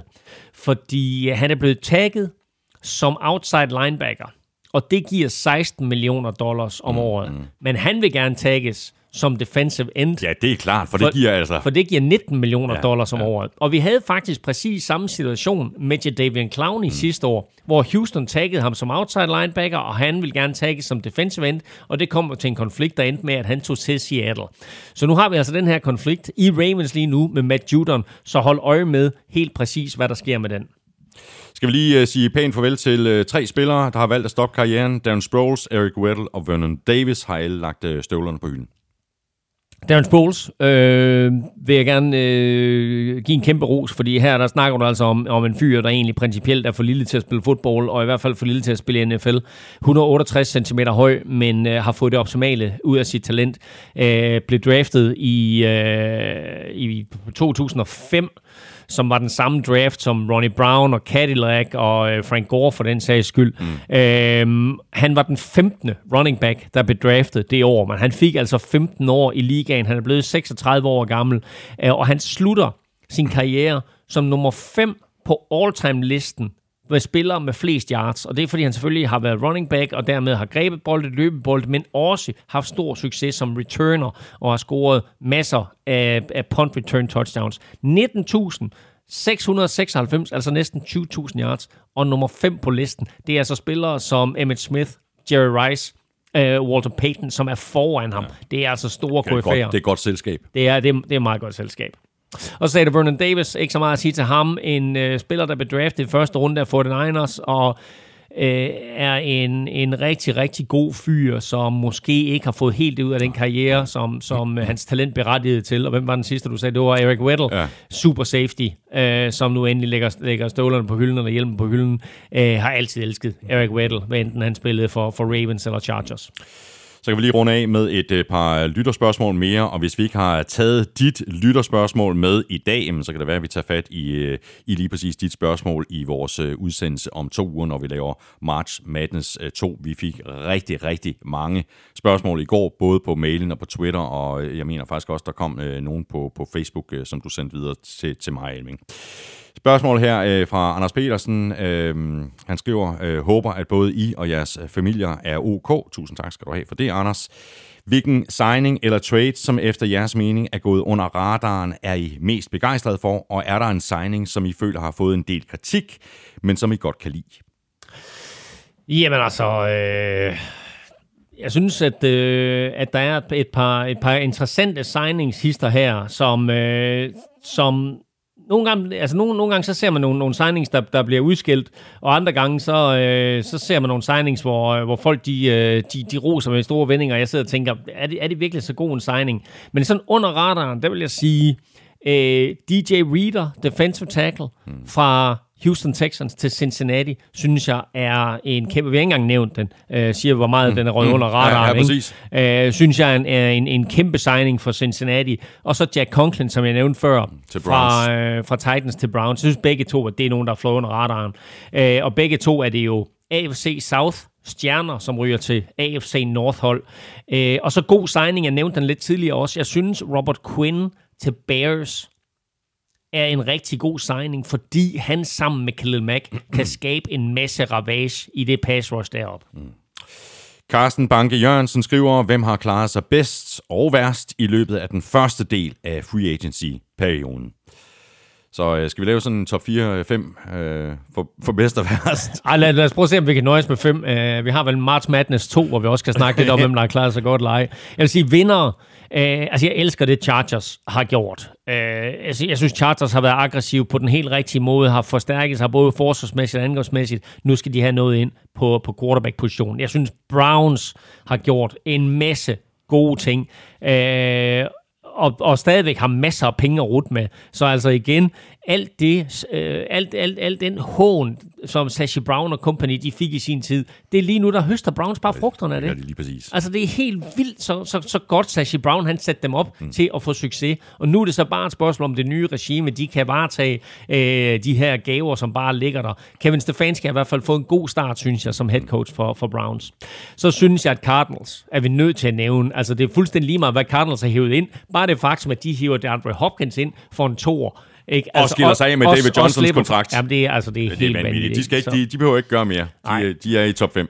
Øh, Colts, synes jeg, øh, har gjort nogle gode ting. De får Philip Rivers ind, og de får det Forrest Buckner ind. Øh, plus hvad de ellers har lavet. Jeg synes, men de to handler i sig selv øh, kan altså gøre dem her til en player, til et playoff-mandskab, og måske endda en Super Bowl-contender. Lad os se, hvor meget Philip Rivers har tilbage i tanken. Dolphins, er de i top 5 også? Jamen, det synes jeg. jeg synes, jamen, det er helt sikkert. Altså, jeg synes, at øh, de har ligesom Browns sat sig selv i en situation, hvor de nu er i stand til at forbedre mandskabet på den måde, som Brian Flores og company gerne vil. Så de hiver de spillere ind, som de gerne vil have ind, plus at de sidder og kan kontrollere draften. De har stadigvæk tre picks i første runde, øh, og derudover 10 eller 12 picks eller et eller andet i alt. Øh, så De har så meget at jeg, skyde med. jeg, synes, jeg synes, Dolphins har gjort det rigtig godt. Så øh, kan vi lave en uh, top 5 over hold, der har gjort det knap så godt. Altså, lad os, Hvad med dine vikinger? Er de på den top 5? Ja, det er de, men lad os starte med Texans. Øh, fordi endnu en gang, så, øh, så fejler Texans bare øh, stort. Og, og den der DeAndre Hopkins ja. trade, altså nu har vi været omkring den, så der er ingen grund til at tage langhalm på den. Men den gør dem til taber, uanset hvad. Vikings, ja, selvfølgelig er de på den. De har jo mistet et hav af spillere, og især er forsvaret bare øh, øh, altså, mistet den ene store spiller efter den anden, både, både fysisk, men også spillemæssigt, og, og de halter virkelig på defensive back. Øh, meget bekymret for Vikings. Bears, jeg nævnte Robert Quinn. Udover det, så kan jeg ikke nævne noget som helst godt ved den her offseason for, øh, for Bears. Øh, Patriots er ligesom Vikings bare blevet ribbet. Altså øh, de her tidligere øh, Patriots head coaches rundt omkring, Matt Patricia og Brian Flores, øh, de har altså øh, taget, taget godt af sig øh, af, af de spillere, som de kendte fra deres Patriots-tid, øh, både offensivt og defensivt. Øh, jeg synes også, at øh, ikke, ikke bare også, jeg synes Rams har haft en katastrofal offseason. Ja. Og de har været tvunget, Rams, af omstændighederne. Vi har nævnt det, at, øh, at den, her, øh, den her situation, de har sat sig selv i med lønloftet, har gjort, at de har været tvunget ud i nogle beslutninger, som de ja. måske egentlig ikke havde lyst til.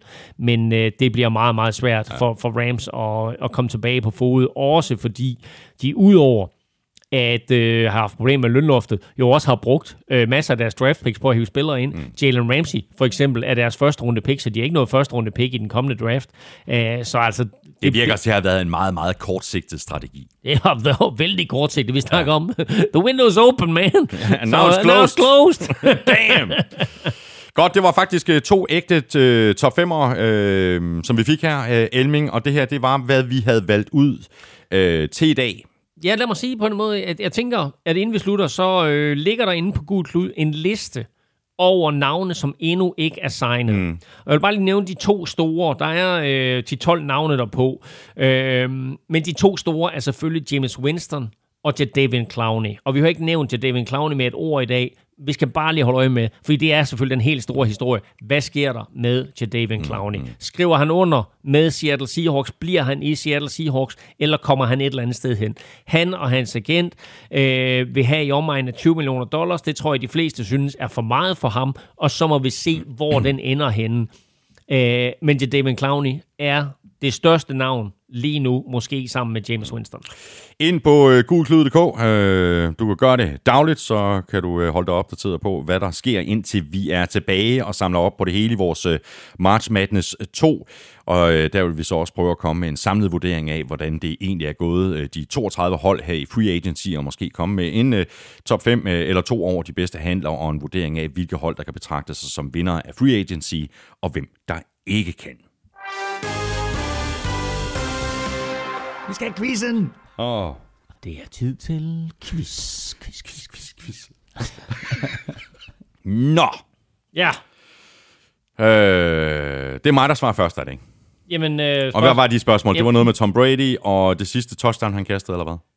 Hvem, altså, øh, Tom Brady har haft 20 fantastiske år i spidsen for, for New England Patriots. Hvem greb det sidste touchdown, Tom Brady kastede i en Patriots-uniform?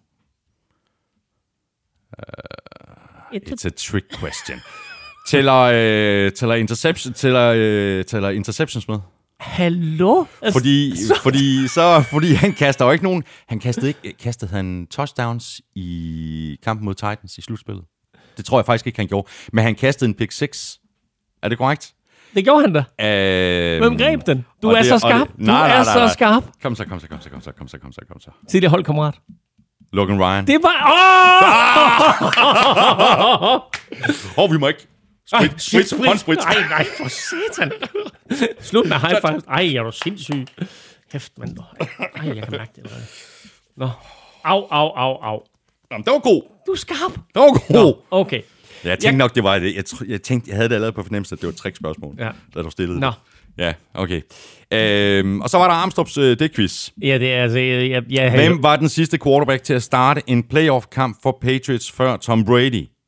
Jamen, altså, jeg, Lad dig være med at sige Bledsoe. jamen, jeg ville jo have sagt Bledsoe. Jamen lad jeg dig være tænkte- med at sige Bledsoe, fordi det var også det, jeg troede. Og det er det ikke.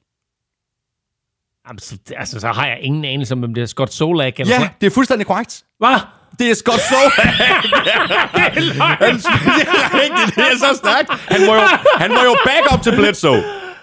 Han var backup til Bledsoe. Så jeg kan ikke huske, han starter ikke særlig mange, mange kampe, øh, Scott Solak. Men han, passer spi- ikke. han spiller wildcard-runden mod Jaguars i 1999, hvor at Patriots i øvrigt tabte 28-10. Det er stærkt, det der, mand.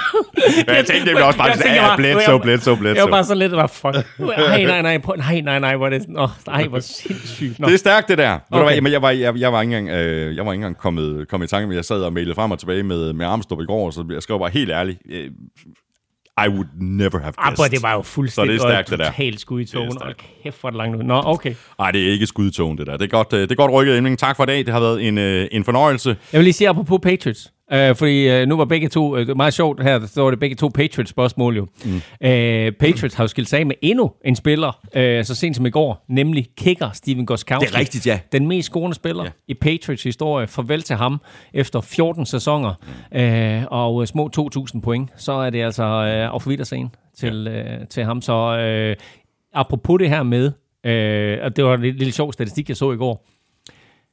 Uh, Bledsoe, Brady, Vinatieri og øh, Steven Goskowski. Vi skal tilbage til 1995, før en af de fire spillere ikke var på Patriots Det, det er godt nok vildt. Men det er nye tider Det i er New 25, England. 25 år siden, det at en af de fire spillere ikke var på Patriots mandskab. Det vildt. Så det er nye tider, og vi går en meget, meget spændende tid i møde for øh, New England Patriots og for NFL i det hele taget. Vi håber på, at alt det her coronapest det er snart overstået, ja og at øh, vi, vi kan komme øh, tilbage til vores normale dagligdag, og selvfølgelig også, at, øh, at vi får en NFL-sæson. Præcis. Og vi er som sagt øh, tilbage med mere øh, March Madness om et par ugers tid, øh, og så er vi selvfølgelig også tilbage til april, når vi laver vores øh, to draft-udsendelser. Stor tak til vores øh, gode venner og sponsorer fra øh, Tafel. Støt dem, de støtter os, og tak til dig, fordi du lyttede med. Hvis du synes om det, vi laver, så skulle du tage og stikke os en anmeldelse og nogle stjerner et af de steder, hvor det er muligt, for eksempel i iTunes. Du kan også anbefale os til alle dine venner, og sidst men ikke mindst, så kunne du overveje at øh, gøre ligesom de 475, der allerede støtter os med et valgfrit beløb på tier.dk eller via det link, der ligger på nflsøde.dk. Det er ikke farligt. Du kan melde fra igen når som helst. Men som sagt, det er en kæmpe stor hjælp for os, så tusind tak til alle jer, der allerede støtter os. Følg Elming på Twitter på snablag NFLming. Mig kan du følge på snablag Thomas Kvartrup. Du kan også følge showet på både Twitter og på Facebook. Det er der, du kan komme i kontakt med os, og det kan du også på mail snablag nflshowet.dk. Pas på dig selv og dem, du holder af, indtil vi er tilbage. Hold afstand derude og vis hensyn. NFL-showet er produceret af Kvartrup Media, som også producerer den øh, største podcast om dansk politik, Born on Plug, som jeg laver sammen med min fætter Henrik. Vi er tilbage på fredag. Elming laver Vel Europa, og Elming og jeg er tilbage med mere NFL og mere March Madness. Før du aner det, er det rigtig godt så længe. Hot odds.